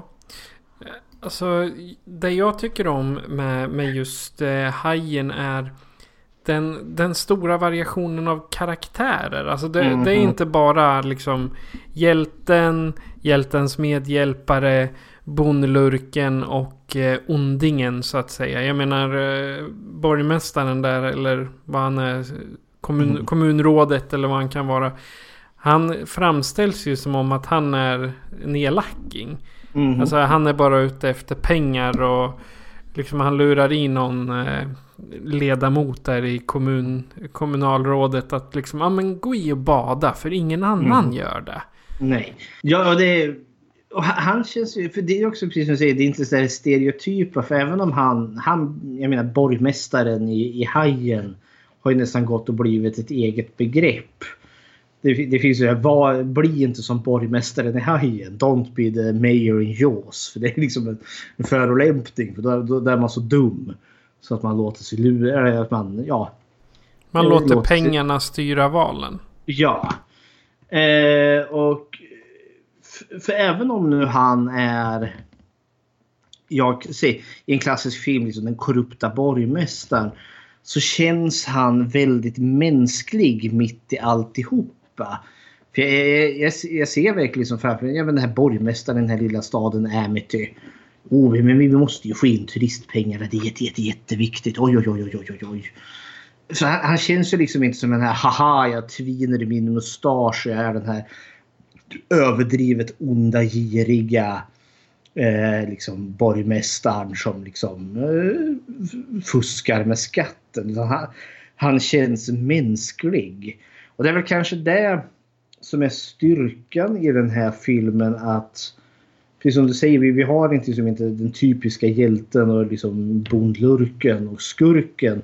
Utan nästan alla karaktärer känns väldigt genuina. Jag menar, huvudkaraktärerna vi har det är ju liksom polismästaren Brody. Eh, och sen har vi ju hajexperten eh, Matt Hooper.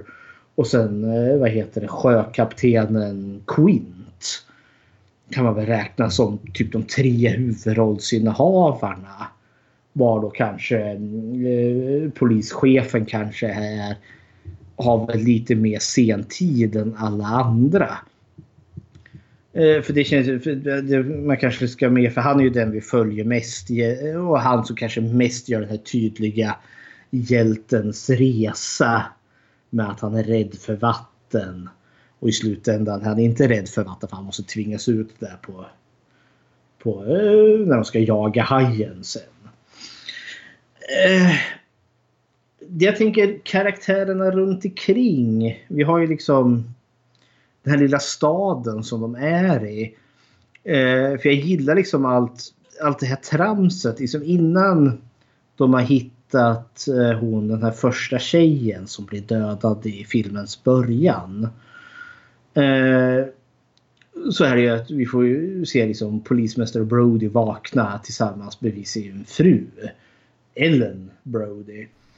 Ja, Eh, där de, de sitter och äter frukost och Ja. anser sig vara främlingar i stan. Ja, för de är nyinflyttade. Så förstår, de, de, de är ju lite utanför. Och det, det är lite typisk vad heter det, så filmstruktur. För då, då, då, de är nya. Då kan vi identifiera oss med liksom, att ja, men vi, vi, vi bor inte heller på någon ö. Så då vet vi inte hur det är. Nej. Då kan vi, då kan vi sympatisera med Brody där. Jag gillar eh, hennes eh, kommentar. Var försiktig, och så Brody. I den här stan. Ja, ja, men det, ja, men det, och jag gillar det också för det här de, är, de har barn. De har liksom två söner. Och Michael och Sheen. Och hur gamla kan de vara? Ja, vad kan de vara? 11 och 4 kanske? Ja, något sånt. Ja, men det känns rimligt. Och, liksom, och de har flyttat ifrån New York har vi förstått. Liksom en betydligt stökig, Alltså det är en stor stad. Och, det, och där var det otryggt. Och i Amity. Är det så den heter? Jo, Amity. Eh, ön. Liksom det, det är lugnt. Här händer ingenting. Och vi får ju lite inblick när han väl kommer till till polisstationen där. Och liksom hans sekreterare dyker upp där. Liksom en äldre kvinna.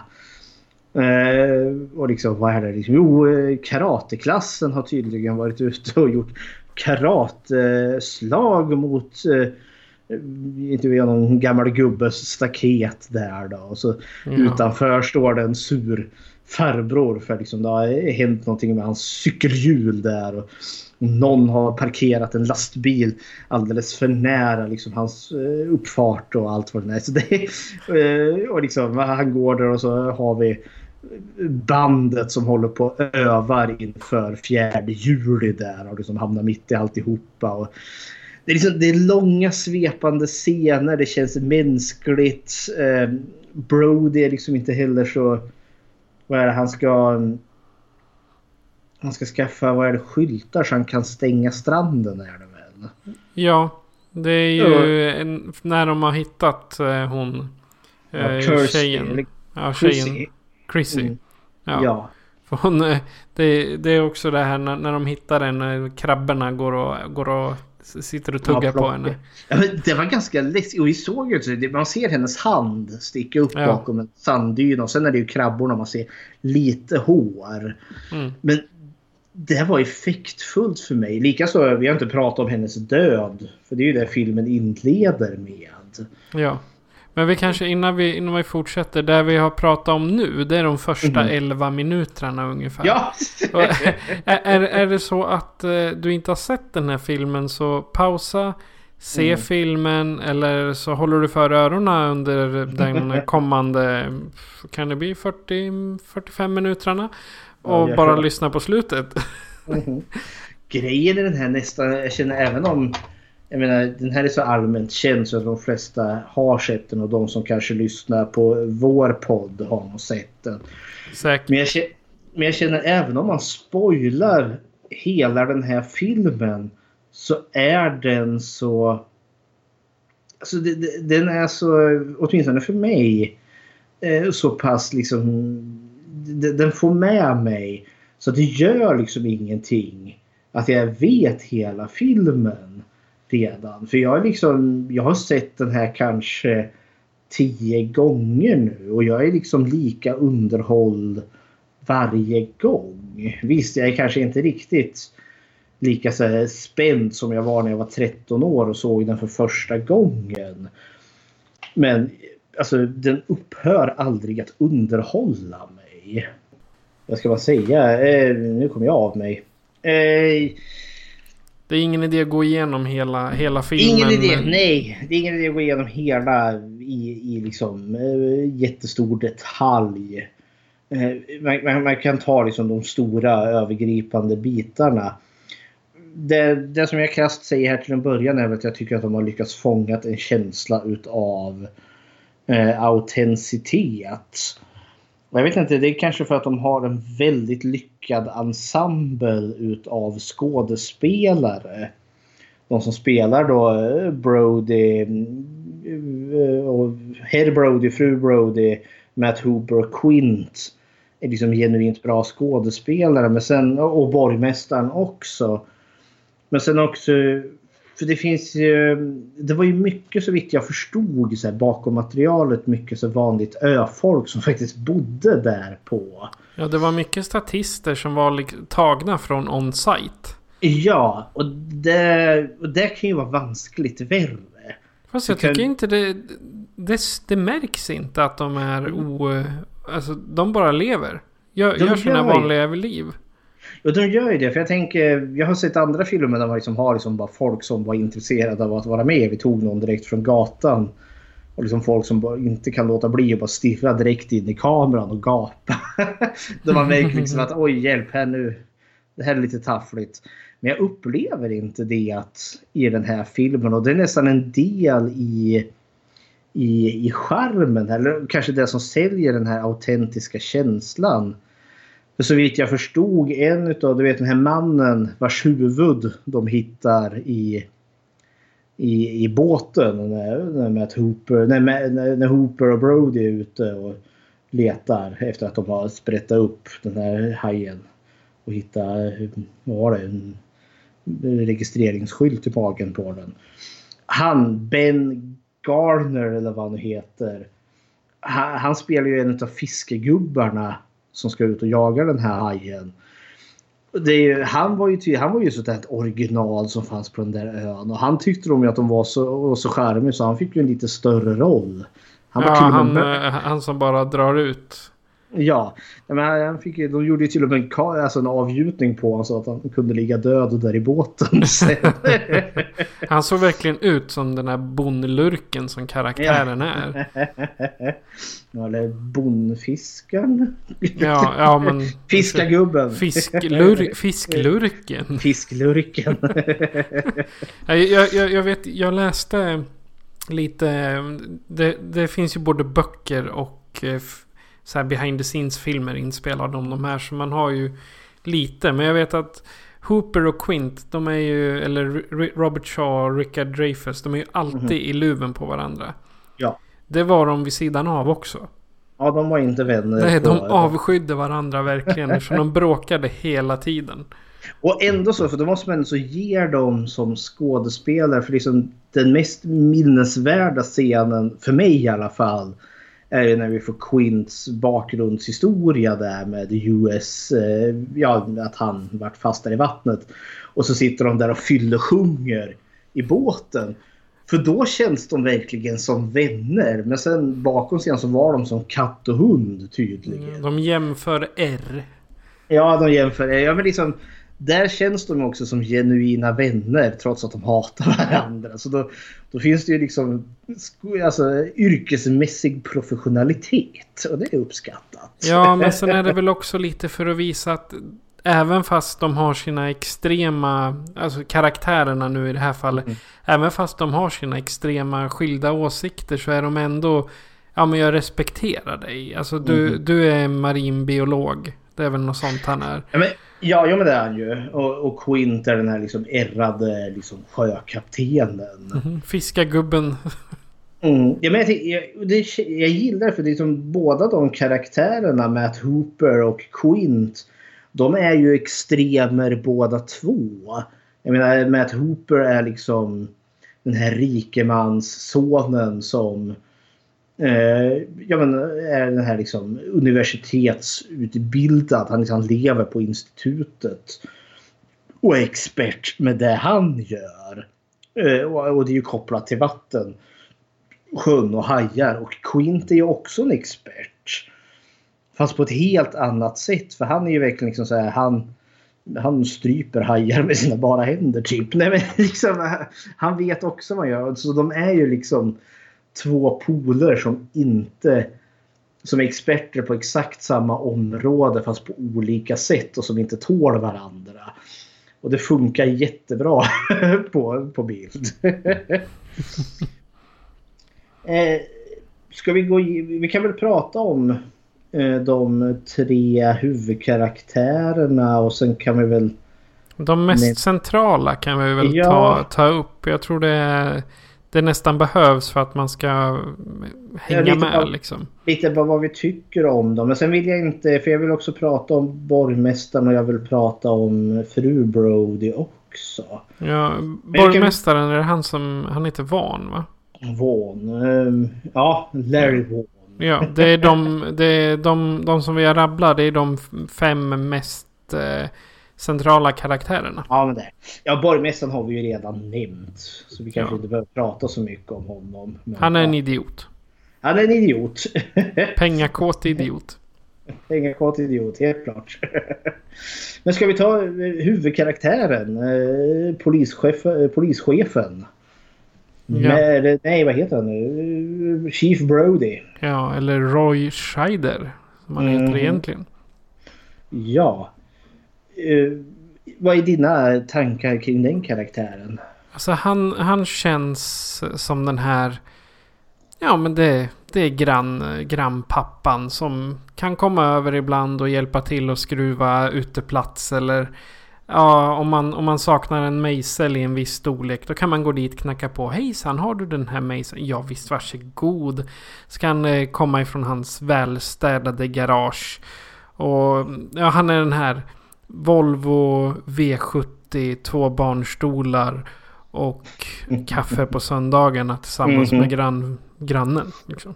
Ungefär så. En diskbänkspappa kan vi kalla det. Ja, ja men eh, jag, jag köper det. För han, han är väldigt trevlig och han är väldigt... eh, Det känns som att han passar in i en små mm, idyll så här. Jag, jag, jag, gillar, jag kan också känna igen mig, eller jag har lättare att identifiera mig för han är också den här fi, eh, lite mm, när de är ute och jagar hajen sen. Han är ju den som inte är sjövan för fem öre. Matt och eh, Quint, de vet ju hur man ska handskas på en båt. Han kan ju inte knyta en knop. Stackars Brody där. och jag känner igen mig så väl i det. För liksom skulle, skulle jag hamna på den där båten så skulle jag liksom, ja men, eh, liksom, eh, inte veta vad jag gör. Och samtidigt med så två stora personligheter så känner jag liksom att man lätt skulle kunna kanske eh, ja, försvinna lite i dem. Jag menar Hooper och Quint det är, liksom, det är två original. Helt klart. Så det, det, jag har extra lätt att liksom identifiera med Brody och samtidigt han är ju faktiskt den som gör rätt i början. Jag tänker där efter att de har hittat Chrissys kropp där. När han skriver orsak, cause of death, så skriver ju han shark attack. Ja. Så beger han sig ut för att eh, stänga stränderna. Och det är ju då borgmästaren får reda på det och blandar sig i. Och det är också den här att eh, det går också att känna igen just för att borgmästaren för det, och hans liksom second in command där de står där och just pratar. Ja men vi, vi är i behov av den här turistpengarna så annars lever vi på socialbidrag hela vintern. Eh, det är livsviktigt för oss. Och, jag menar, det, det, har bara hänt en gång och kan vi veta med säkerhet och så kommer medicinexperten där och säger att det var nog en båtmotor. Och så, just, och så kommer borgmästaren och säger just uh, det här.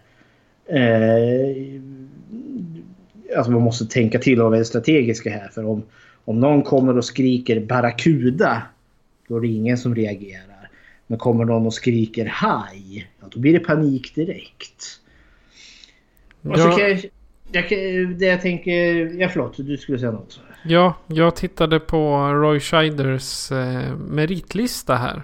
Mm. Och du som gillar eh, vampyrer så har han varit med i... Eh, nu ska vi se vad den heter. Den heter Dracula 2 Ascension. Och Dracula 3 Legacy. Det låter inte bra. Det låter som att det måste vara slutet på hans karriär. Nej, faktiskt inte. Eh, han höll på ända fram till 2009. Men var det när gjordes de här filmerna? Dracula-filmerna? Eh, 2003 och 2005. Det låter inte bra för jag har inte hört talas om de här filmerna heller. Så det låter som att det är ett rejält steg ner från hajen. Ja, ja. Han, samma. han dog i alla fall den 10 februari 2008. Okej. Det jag tänkte säga här just med det här att han låter sig övertalas utav borgmästaren.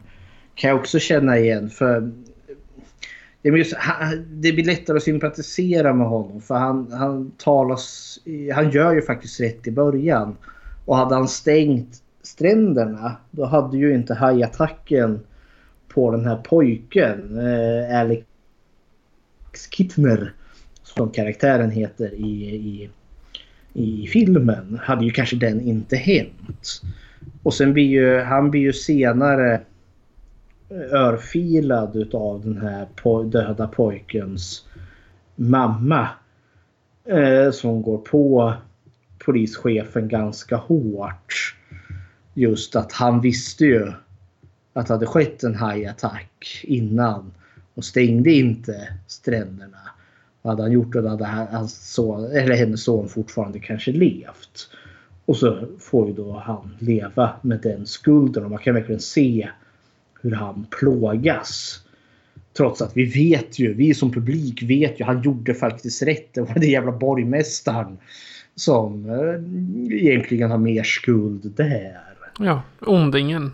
Eh, Ondingen och samtidigt, vem vet, den här attacken hade kanske skett ändå. Ja, mycket möjligt. Så liksom, ja. hepp. Det men, så polischefen tycker jag är... Han är jättelätt att sympatisera och jag tycker verkligen om den karaktären. Och han känns liksom kärleksfull och allt det där. Och vi får följa liksom hans toppar och dalar. Eh, vad, vad tycker du om hans fru då? Ellen Brody? Hon är också det här eh, granndamen som eh, man, man går och, och frågar om en kopp socker. Mhm. Och så säger man hej kan jag få låna en kopp socker? Ja men kom in och drick lite kaffe istället. Ja. Typ sådär. Hon är, hon är liksom eh, ja, grannfrun som tycker om alla Mhm. och alla tycker om henne. Det finns liksom inget... eh, Det, det känns inte som det finns ett, eh, ett ont ben där överhuvudtaget. Nej. Utan hon ger en positiv... Ska man säga? Hon har en positiv aura. Hon är Mhm. glad mot alla, trevlig mot alla och sen när hon är lite orolig då rynkar hon på ögonbrynen men inte mycket mer. Nej. Så hon är Så- en genuint trevlig eh, karaktär. Helt klart. Jag, jag, jag håller med där. Eh, för liksom det, det är ett trevligt par överlag och hon känns verkligen som den här... Hon är med dig i vått och torrt. Sen tänkte jag, för jag undrar vad var hennes... Jag satt och tänkte, han är polischef. Vad är hennes jobb? Hon är hemmafru. Ja, jag tänkte precis det. Hon måste ju vara hemmafru. Hon är polischefens eh, fru. Och jag vet inte om det är...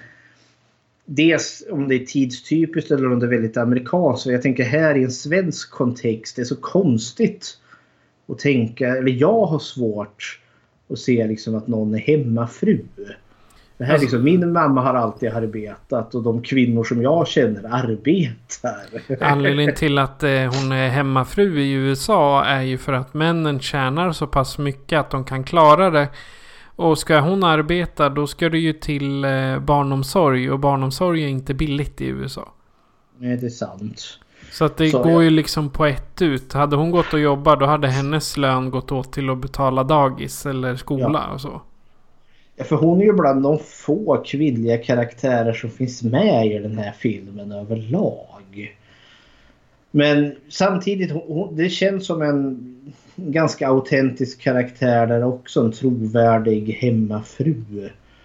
Eh, och sen tänker jag också, hur gamla är liksom paret Brody? För de, de ser liksom ut som att de måste vara liksom i ja, minst liksom 45 sakta närma sig 50. Ja, det... Ja, men i och med att han, han var ju den åldern när filmen spelades in. Ja, I och med att det är på 70-talet och han dog 2008 vid en Ja. ålder av 75. Så att... ja men det var det jag tänkte för det, så, för det var likadant senare i, i paniken på eh, där när det den här stora badstranden 4 juli. Du, du nämnde ju det när han borgmästaren går och säger det är ingen som är i vattnet, gå ner och bada.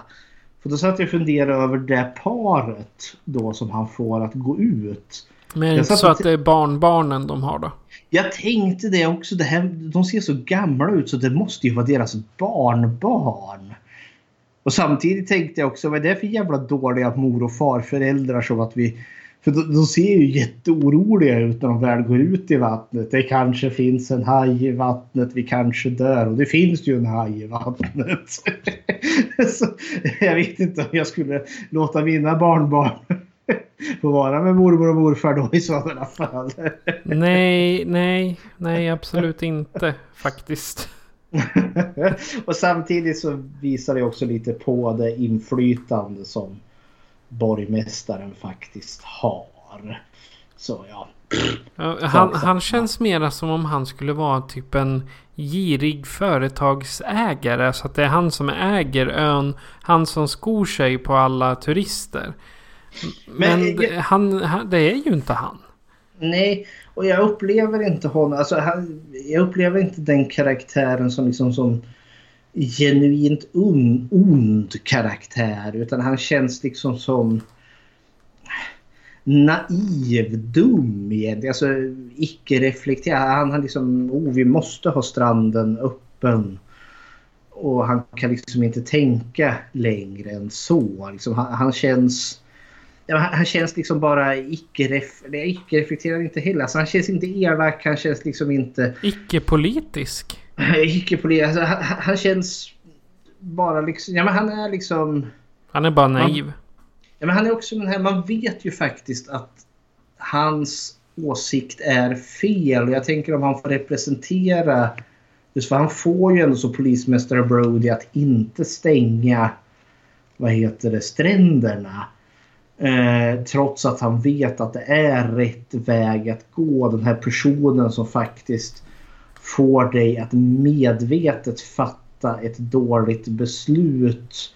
Där du kanske då inbillar dig, börjar intala dig själv. att men det är nog rätt beslut ändå. Trots att du vet att det faktiskt är fel. Alltså nu. Ja, nu är det kanske lite mer överanalysering men ja, hepp. eh, ska vi hoppa till Matt Hooper? Ja, marinbiologen. Eh, som även heter Robert Shaw i verkligheten. Mhm. Nej, förlåt. Är Richard Dreyfus heter Ja. Hooper. Nu tittar jag på fel namn. Mhm. Våran första expert får man väl kalla det. Ja, Eh, jag upplever honom, det är en väldigt trivsam men ganska excentrisk karaktär. Han är ju liksom intellektet. Han är liksom kunskapen. Han, är liksom, han har akademisk kunskap som står härliga till. Och han är rik som ett troll. Eh, men liksom är glad och liksom kan skämta och ha sig. Men han, han är, det finns en besserwisser i den här karaktären. För det är ju verkligen han har rätt. Och, och han och Brody går ju ganska bra ihop eftersom att Brody har ju inte kunskap och måste liksom förlita sig på den kunskap som, eh, som Hooper har. Och de funkar bra. Och jag Ja. tänker det är därför det kanske clashar mellan Hooper och Quint. Eftersom att Quint är expert på sitt område. Och Ja. Quint, Quint behöver inte Hooper. Men Brody behöver både Hooper och Quint. Så ja, hepp. ja men han, han känns som den här... Så om, om jag skulle sitta mitt emot honom. Då skulle jag lyssna på hans profession och sen ifrågasätta det han, eh, det han säger. Ja, men, eh, han, han pratar ju om att eh, vid ett tillfälle så tar de ju upp en, en hammarhaj eller vad är det de heter. Det där som, som de tror kanske var hajen. Det, det, Ja, det, var, en precis. det var en tigerhaj. Tigerhaj, precis så. Och de, eh, han säger det här är i stort sett havets soptunna. Ja, just det. Ja, och så eh, då, ha- då hade jag ställt en motfråga. Varför då? Ja. Eller hur kommer det sig? Och då hade man ju fått honom att börja babbla. Mhm. Så, men han, han är trevlig men han är också en typ know-it-all. Som Ja, kan det- allt. Men det känns som att eh, han delar gärna med sig av den informationen som han har. Han är, han är verkligen en snackpåse. Ja, Men det känns också som att med han skulle man kunna ha lite så intellektuella diskussioner med. Jag tror det skulle vara ganska kul att umgås med, med, med Hooper. ja. Eh, åtminstone jag personligen skulle kunna tycka det är kul. Men sen är också, han är ju faktiskt lojal. Han är inte rädd heller. Jag menar, när de väl ska ut och jaga hajen. Eh, det, det, är ju- det är ju polismästaren som är den som är mest skraj för han är rädd för vatten och hajen. Jag menar det är ju, det är ju faktiskt han som går ner i hajburen sen. När de inte har så mycket alternativ kvar för att försöka ta livet av hajen. Eh, så han är ju ganska modig ändå, måste jag villigt erkänna ja. Han har faktiskt eh, spelat med i en annan eh, Mm. farliga fiskar-serie eller film. Ja, ja men det, det är Piranha 3D. Ja, han precis. Han spelar Matt Boyd. Det, Ja, ja, han blir uppäten direkt i början. ja, precis. det var det jag menade. Smack. Så han, han får väl igen efter sitt arbete med, mot hajen. Då kommer Ja. småfirarna och hämnas. Jajamän. Eh, det, jag, jag tänkte på något. Jo, här stora skillnader liksom film och bok. Eh, Matt Hooper som vi beskrev, trivsam karaktär. I boken är han en riktig elak, stöddig besserwisser. Han är en riktigt otrevlig typ. Som då inte låter sig... Han är så medveten om att han är en expert och han behandlar alla andra som att de vore typ Eh, under honom. och hans värdighet. för Han är ju rik och belevad till råga på allt. Och en annan stor grej är ju också att han inleder ju en affär eh, med polismästarens fru med Ellen Brody där. De springer iväg på hotell och har sex med varandra. Oj, oj, oj. Så ja, den biten finns inte med alls i filmen, tack och lov. Nej men då har, de vill ju ha det här personat att de är den trevliga familjen liksom. Som... Men jag tror, jag tror att det Steven Spielberg sa just att karaktärerna i boken är inte trevliga alls. Spielberg sa väl att han hejade på hajen i boken. Och han sa att det måste vi förändra på. Vi måste göra karaktärerna trevliga. För de är inte alls trevliga i boken. Nej. Jag, jag, jag kom på en sak här. Du vet när Brody är eh, inne och skriver sin eh, rättsläkarrapport. Rapport där. Då, då, ska, då skriver han fel. Han skriver inte coroner. För han, han skriver ju, det, här, det händer ju, blinka så missar du. Han skriver på sin maskin och så blir det istället för coroner så skriver han corner. Är du inne och kollar på IMDB vad som är fel här? Nej, det här, nej men det här såg jag faktiskt själv. Jaha, okej. Det, och jag fick det bekräftat på IMDB. var det som var, jag bara haha. Eh, Men Hooper då en trevlig karaktär. En som då kanske inte ska vara så trevlig då. Det är ju Quint. Vad tycker du om han? Ja, Quint. Eller som jag nu sa innan. Helt fel namn. Men Robert Shaw heter han ju Ja. egentligen. Quint är den här... Ja. Jag vet vad jag pratar om. Mhm. Och ni vet inte alls vad jag pratar om. Nej. Så stick och brinn, typ. Mhm. Han är sin egen person. Verkligen. Helt klart. Ja, men han eh, Quint är sådär... eh, Som jag sa, men med att Hooper skulle jag nog kunna liksom sitta och ha kul med och sitta och kunna diskutera med. Men Quint tror jag inte jag skulle um-, alltså, trivas alls med. För han, han, han är inte diskussionsvänlig heller. För det är verkligen eh, my way or the highway med den personen. Och där är jag lite annorlunda för jag skulle sitta och lyssna på alla hans gamla historier. Mhm. Det, det- han, han känns som den, den typen av person som gärna berättar om att Ja, när jag var 37 och var ute på havet så då träffade jag en stingrocka och den stack mig i högertån men träffade nageln istället för Istället för foten så jag dog inte men jävla vilket ärr jag fick. jo men det är... Alltså han... Alltså grejen är att det, det, det, det är ju inte en karaktär jag tycker illa om. Men han är en annan... Alltså, Quint är en jätteminnesvärd karaktär. Men han känns också som att eh, han, han är den mest skadade karaktären. Eh, och det, det får vi ju reda på för han levererar ju kanske liksom filmens mest minnesvärda och kusliga monolog. Eh, där han berättar om eh, USS Indianapolis. Som faktiskt också är en sann berättelse om. Eh, det är den största hajattack. Eller dokumenterade hajattack som finns i mänsklig historia. Och den är ju jättekuslig och då, får man liksom, då förstår man ju hur han fungerar som karaktär. Och du, jag skickade väl ett ljudklipp till dig som jag tänkte kunde prata om för han sjunger en Ja. hel del och han sjunger eh, The Fair Spanish Ladies. Ja, men eh, det kommer här. Farewell and adieu to you fair Spanish ladies. Farewell and adieu, you ladies of Spain. For we've received orders for to sail back to Boston. And so nevermore shall we see you again. Det där skrattet är ju underbart om inte det, annat. är, det är ju det. Jag funderar, han sjunger det här flera gånger i, i, filmen och inför podden så satt jag och letade lite musik och sökte jag på just det där So long and farewell. Eller adjö to the fair Spanish ladies. Ja. Och hittade ju då att det är en, en engelsk, alltså brittisk sång. ja, det är ju en brittisk visa.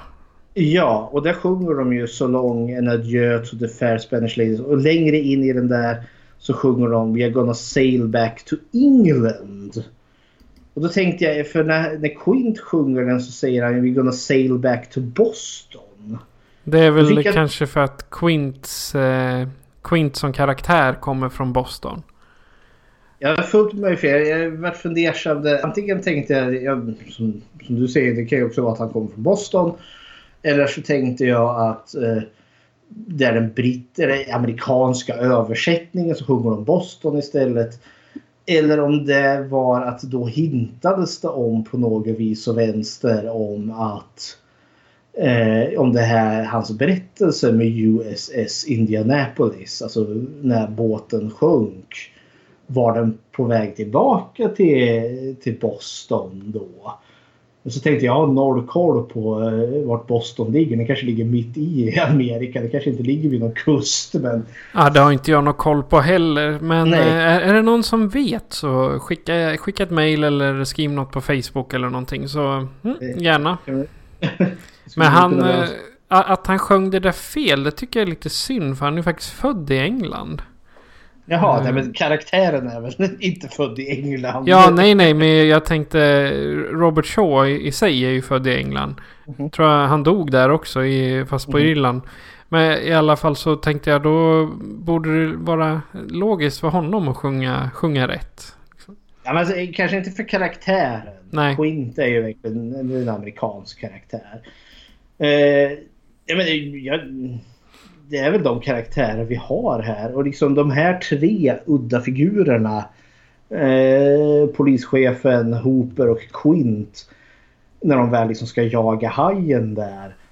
Alltså det är ju liksom en, en riktig fröjd att följa dem. För det är sådana färgstarka personligheter. Ja. Eh, för liksom som slasherfilmer och sånt liksom, som bygger upp kanonmat med liksom stereotypa karaktärer som är papperstunna. Alltså man Det inte kan man- tycker om ens en gång. Ja, eller liksom inte ens kan lära känna från knappt människor. Det kan man ju inte beskylla den här filmen för. Nej, för de är verkligen ja, Mhm. mina vänner. Så. Ja. ja, men det blir för när Quint dör sen. Han är ju den som dör. Ja, det är åtminstone den eh, visuellt mest grafiska. För vi får ju knappt se när folk dör i den här filmen. Eh, men han är ju den som man faktiskt får se hamnar i munnen på hajen. Och hans skrik och hans panik. Eh, det, det, det, det tar lite i mig varje gång faktiskt. Och sen också detaljrikedomen för efter att hajen har dödat Quint då är det ju bara polischefen kvar. Och han retirerar in i den här sjunkande båten och hajen kommer in genom ett fönster. Och hugger liksom med. Och då ser man ju hur det hänger köttslamsor i tänderna på hajen. Och jag tänker det måste ju vara bitar av stackars Quint. Ja, det blir det ju. Och det är jättegroteskt tänker jag. ja du. Eh, jag har... Jag tycker ju... Eh, om jag spånar här, alltså hur den här filmen fungerar. Den är ju två timmar lång och ungefär den första timmen det är skräckfilmen. Den andra timmen är ju när de beger sig ut för att jaga hajen. Och då upplever jag att då, då blir den en äventyrsfilm. Ja, Vad för det, det försvinner det skräckeska elementet. Bortsänt från ett ställe där alla blir rädda. Mhm. När man ser Men- hajen. Ja. Och jag, och jag tänkte just precis det. För att i den första biten, den första timmen som jag säger, det är skräckfilmen. Då får vi ju faktiskt inte se hajen en enda gång. Jag klockade den här filmen när vi faktiskt får se hajen den första gången. Och det är då vid, vid stranden där på fjärde juli-firandet. Då vi får se fenan och inte den här falska fenan som de här pojkarna som eh, spelar ett spratt med folk. Utan eh, då, vi- då den riktiga hajen. Och då klockade. Det var en timme och en minut in i filmen. Då vi faktiskt får se någon skymt utav hajeländet. Den har inte varit med innan. Den har varit där. Men vi har aldrig fått sett den. Nej, det var ju så mycket tekniska problem med den där så det är inte så konstigt. Eller vänta nu. Är jag dum i huvudet? Får man se någonting av hajen när den attackerar pojken, han Alex Kittner? Nej, man ser ju ur hajens eh, synfält och sen när det kommer blod. Ja, det gör man. Jag tror inte Men man är- får se överhuvudtaget. Nu vart jag osäker. Jag får, jag får återvända. För då, då kan jag ha fel. Ja, Om vi får se någonting av hajen där. Men ja, sak samma. Eh, för jag tänker i den andra biten får vi ju faktiskt se hajen. Eh, och det behövs ju för den här kampen mot den och fäster bojar på den och allt sånt där. Och den... Eh, för då förtars spänningen när vi faktiskt får se monstret. Då är den inte riktigt lika läskig längre. Som jag upplever det i alla fall.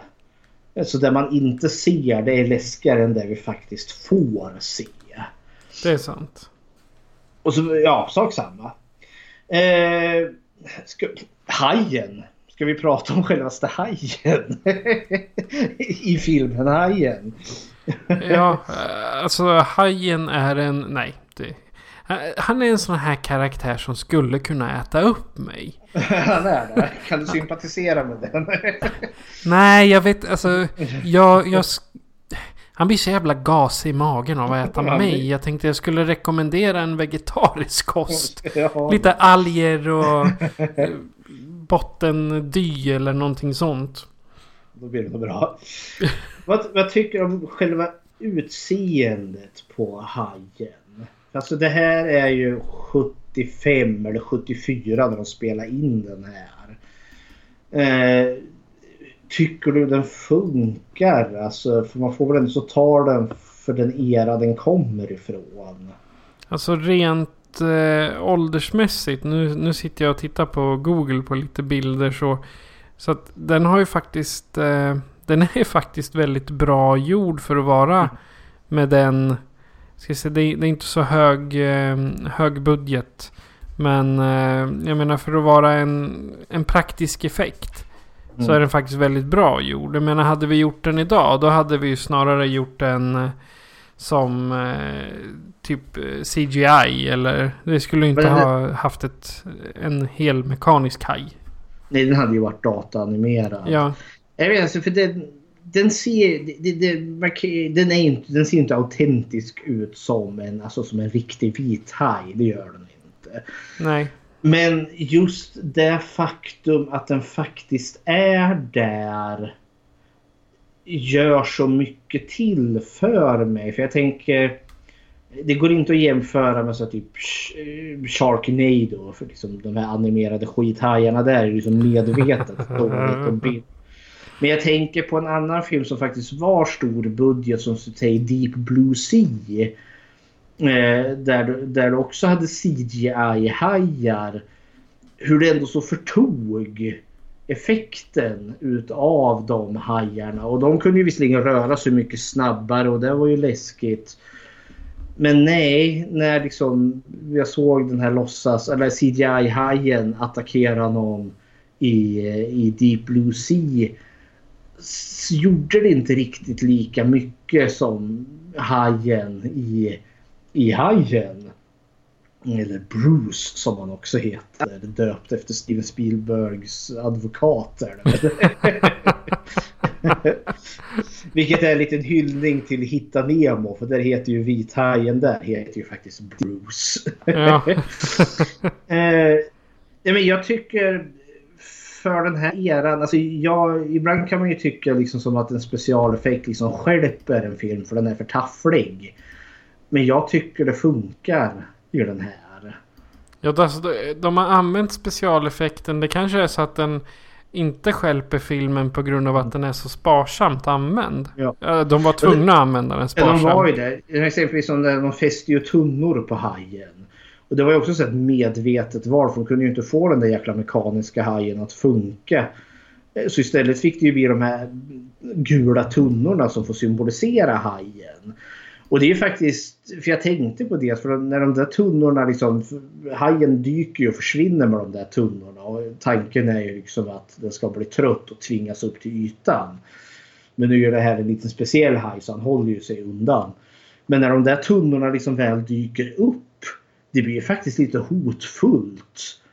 En jävla tunna i vattnet vart hotfullt helt plötsligt. Så det är det som är det mästerliga med den här. För det vet jag att om jag ser tunnan ja då finns ju hajen där i närheten någonstans. Så, ja kära någon.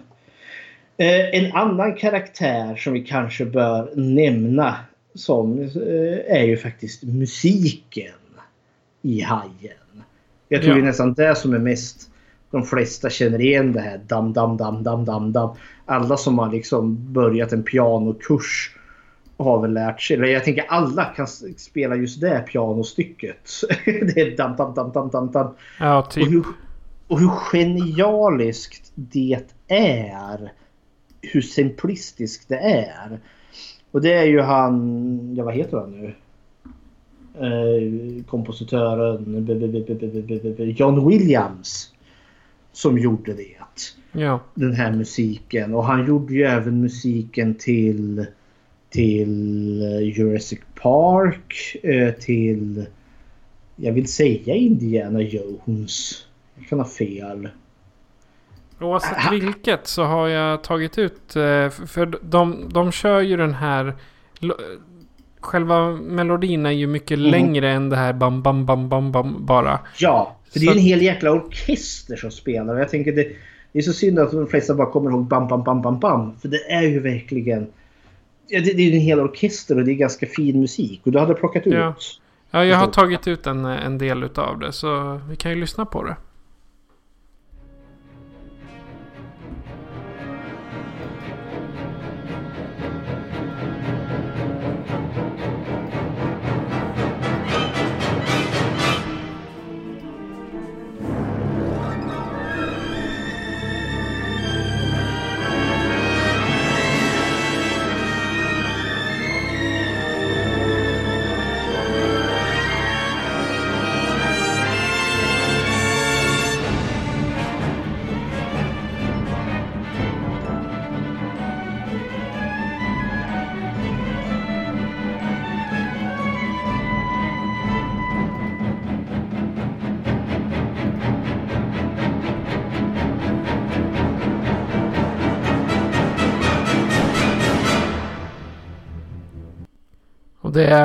Ungefär eh, en minut till på den melodin Mm. där. Men eh, den eh, finns på YouTube i sin helhet. Mhm. Om man vill Men- söka upp den. För det är ju det här som är det genialiska. Alltså den där musiken är ju liksom stand-in för hajen. Eh, som, som det här med tunnorna som vi nämnde. För då kommer ju musiken spelandes. Eller som i början av filmen, det som jag kallar för skräckfilmen. När, när det är sett ur hajens perspektiv. Och så lägger du på den där spännande musiken. Ja, men då höjs ju pulsen för då förstår vi att nu är det fara och färde. Så jag tänker den här filmen lyckas ju så mycket med där den inte kan visa. För så vitt jag förstod så eh, med allt så här bakom material. Alltså, man- vi skulle ju ha fått sett så mycket mer utav hajen. Eh, och för att Universal jag hade väl tänkt också att det här skulle vara en ganska ostig B-film egentligen. Och jag funderade, kanske den hade blivit om vi hade fått sett varje hajattack. Jag tänker lite återkoppling här nu till eh, när jag, eh, The Curse of La Lorna som jag såg här som visade spöket direkt och vi fick se monstret Ögonen Bums. Och det förtog effekten av den filmen. För här får du ju verkligen inte se monstret. Nej, då, alltså, när, så fort du får se monstret då försvinner hotet anser jag. Ja, för jag tänkte en sån effekt fick jag verkligen när jag såg den här filmen Insidious. Har du sett Insidious? Det var länge sedan men Ja. eh, ungefär. Ja, det, Ja, för där är det ju en pojke då som är... Tvisten är att huset inte är hemsökt utan det är en pojke som är hemsökt. Och det finns ju som en skuggfigur som kommer hotande nära eh, hela tiden under filmens lopp. Och vi får bara se den liksom i, i silhuett eller i blurrigt. Ända fram tills filmens slut och vi faktiskt får se den i helhet. Och jag kommer ihåg att filmen var jätteläskig och jag var högspänning. Och sen när jag fick se monstret i filmens slut så tyckte jag nej, det här var jättetuntigt. Ja, då blir det liksom där. Hopp, hepp. Ja men liksom mystiken hos det monstret i den filmen bara försvann. Det var som en ballong som bara pyste ut. Och jag liksom plötsligt var jag inte rädd längre. För det där monstret, vem kan vara rädd för den? Kände jag ungefär. Men jag tror det. Jag tror att det är någonting som både du och jag Mm. vill ha. Vi vill inte veta att så här ser monster ut och det säger Mhm. blä eller det äter eller hugger eller vad det Ja. är. Vi vill, man vill liksom bara ana det lite. Och sen liksom får det komma en antingen en slutstrid eller så får man Mhm. aldrig se det. Ja. Nej men liksom för det... För ändå så, med, som med Insidious, tycker jag fortfarande är väldigt bra film. Eftersom att eh, jag får ju faktiskt inte se monstret förrän i slutet. Hade jag sett det där monstret redan från början i första spökscenen när han terroriserar pojken där. Då tror jag inte liksom att den filmen hade betytt lika mycket för mig. Och jag tänker det är liksom den olyckan, eller ja, lyckan i olyckan som hajen har. Att den mekaniska hajen faktiskt inte fungerade. Det är det som gör det till en bättre film. Vi får inte se hajen förrän i slutet. Ja, kära någon. Jag har Ja. inte så mycket mer att säga om hajen än vad jag, vi redan har sagt. Har du något mer? Nej, det är faktiskt samma här. Den...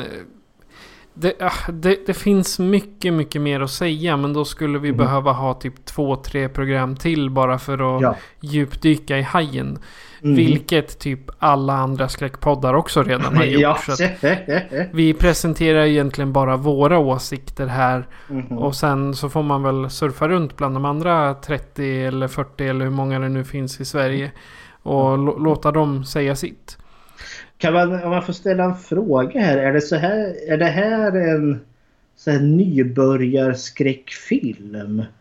Eh, jag såg ju den här typ när jag var typ 13 år. För den är ju inte så våldsam. Nej. Även om vi får se.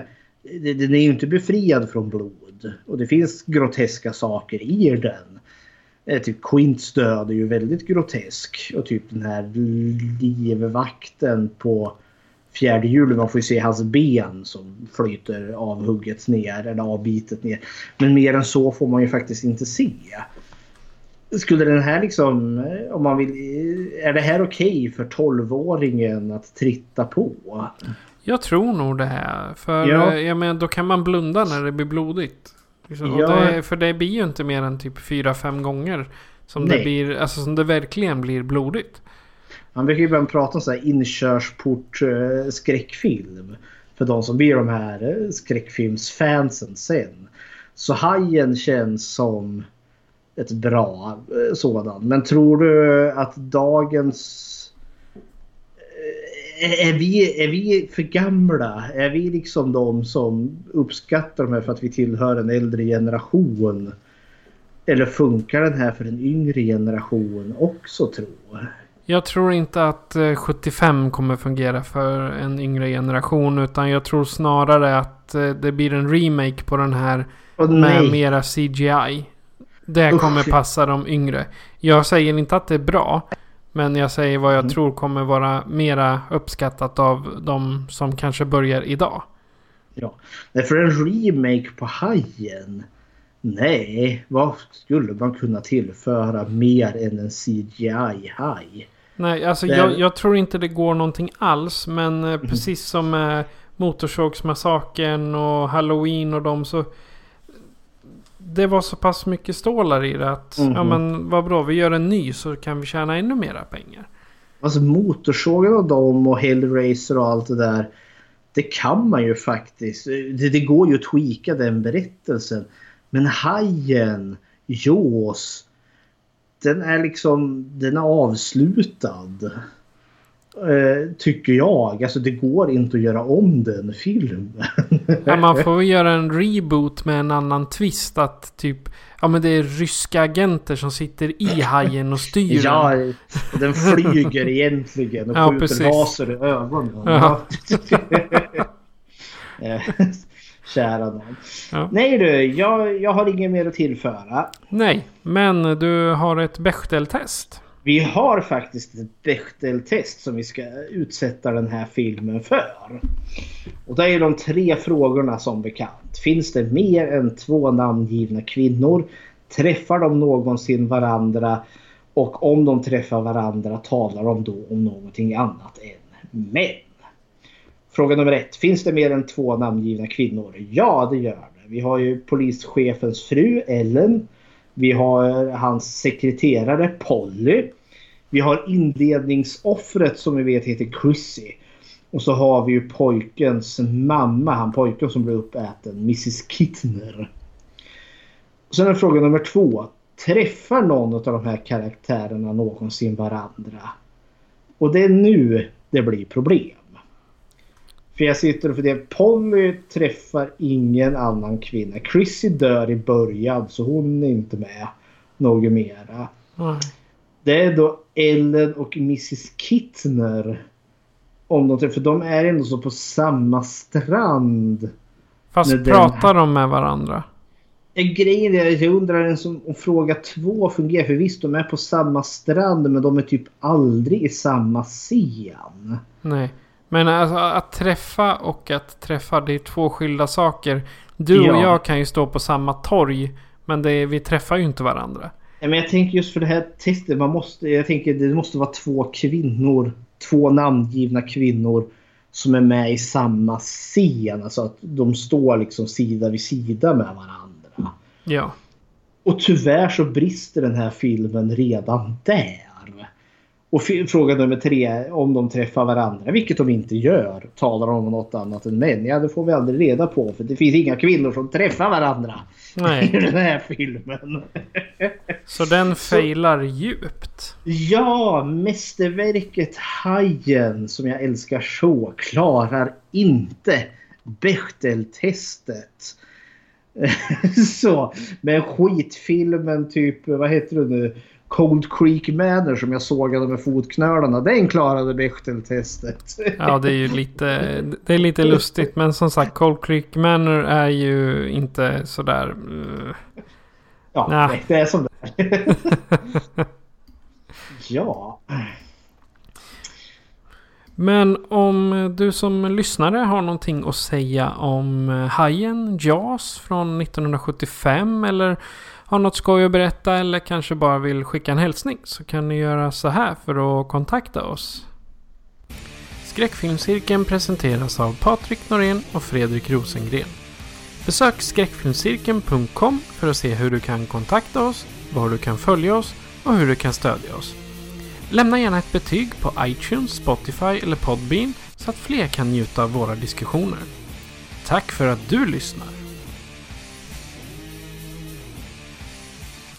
Och Fredrik, vad ser vi för film nästa gång? Nu har vi ju faktiskt en franchise igen. Vi har ju faktiskt skippat över några. Vi sket i att fortsätta med VHS och vi har inte avslutat The Howling. Som jag bävar inför. Men vi, vi, vi kan inte ha för många franchises eh, på, eh, på lut framöver här. Så nu betar vi av Hajen-franchisen. Så vi har f- film nummer två, tre och fyra. Som då är officiell kanon. Och sen kommer vi se den inofficiella nummer fem. Cruel Jaws också. Ja, och då kommer vi ha ett avsnitt med två, tre och fyra och sen får det bli ett litet miniavsnitt för eh, Cruel Jaws då. Jajamän. Tänker så här matinéavsnitt en eh, söndag. Ja, Det blir fint. Ja, Mhm. då så. Eh, tack för idag Fredrik. Tack själv. Det var allt om hajen. Så jag har bara att säga att jag heter Patrik. Och jag heter Fredrik. Du har lyssnat på Skräckfilmscirkeln. Och tillsammans med Queen säger vi adjö. Farewell and adieu to you fair Spanish ladies. Farewell and adieu, Spain. For we've received orders for to sail back to Boston. And so never more shall we see you again.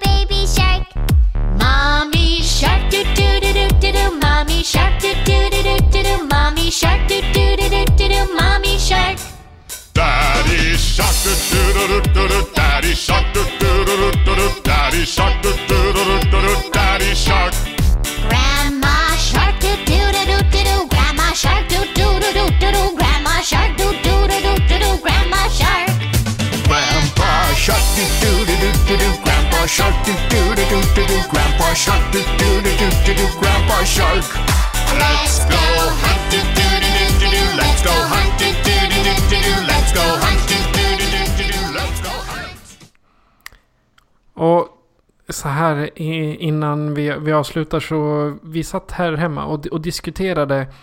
I, I texten så ropar de i slutet Let's go hunt. Du, du, du, du, du, du.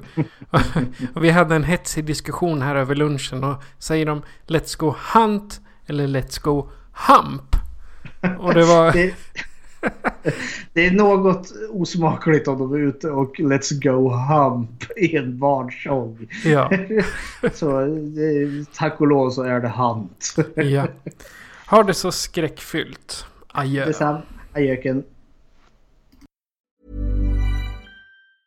Hi, I'm Daniel, founder of Pretty Litter. Did you know cats tend to hide symptoms of sickness and pain? I learned this the hard way after losing my cat, Gingy. So I created Pretty Litter, a health monitoring litter that helps detect early signs of illness by changing colors, saving you money and potentially your cat's life. Pretty Litter is veterinarian developed, and it's the easiest way to keep tabs on your fur baby's health right at home. Go to prettylitter.com and use code ACAST for 20% off your first order and a free cat toy. Terms and conditions apply. See site for details.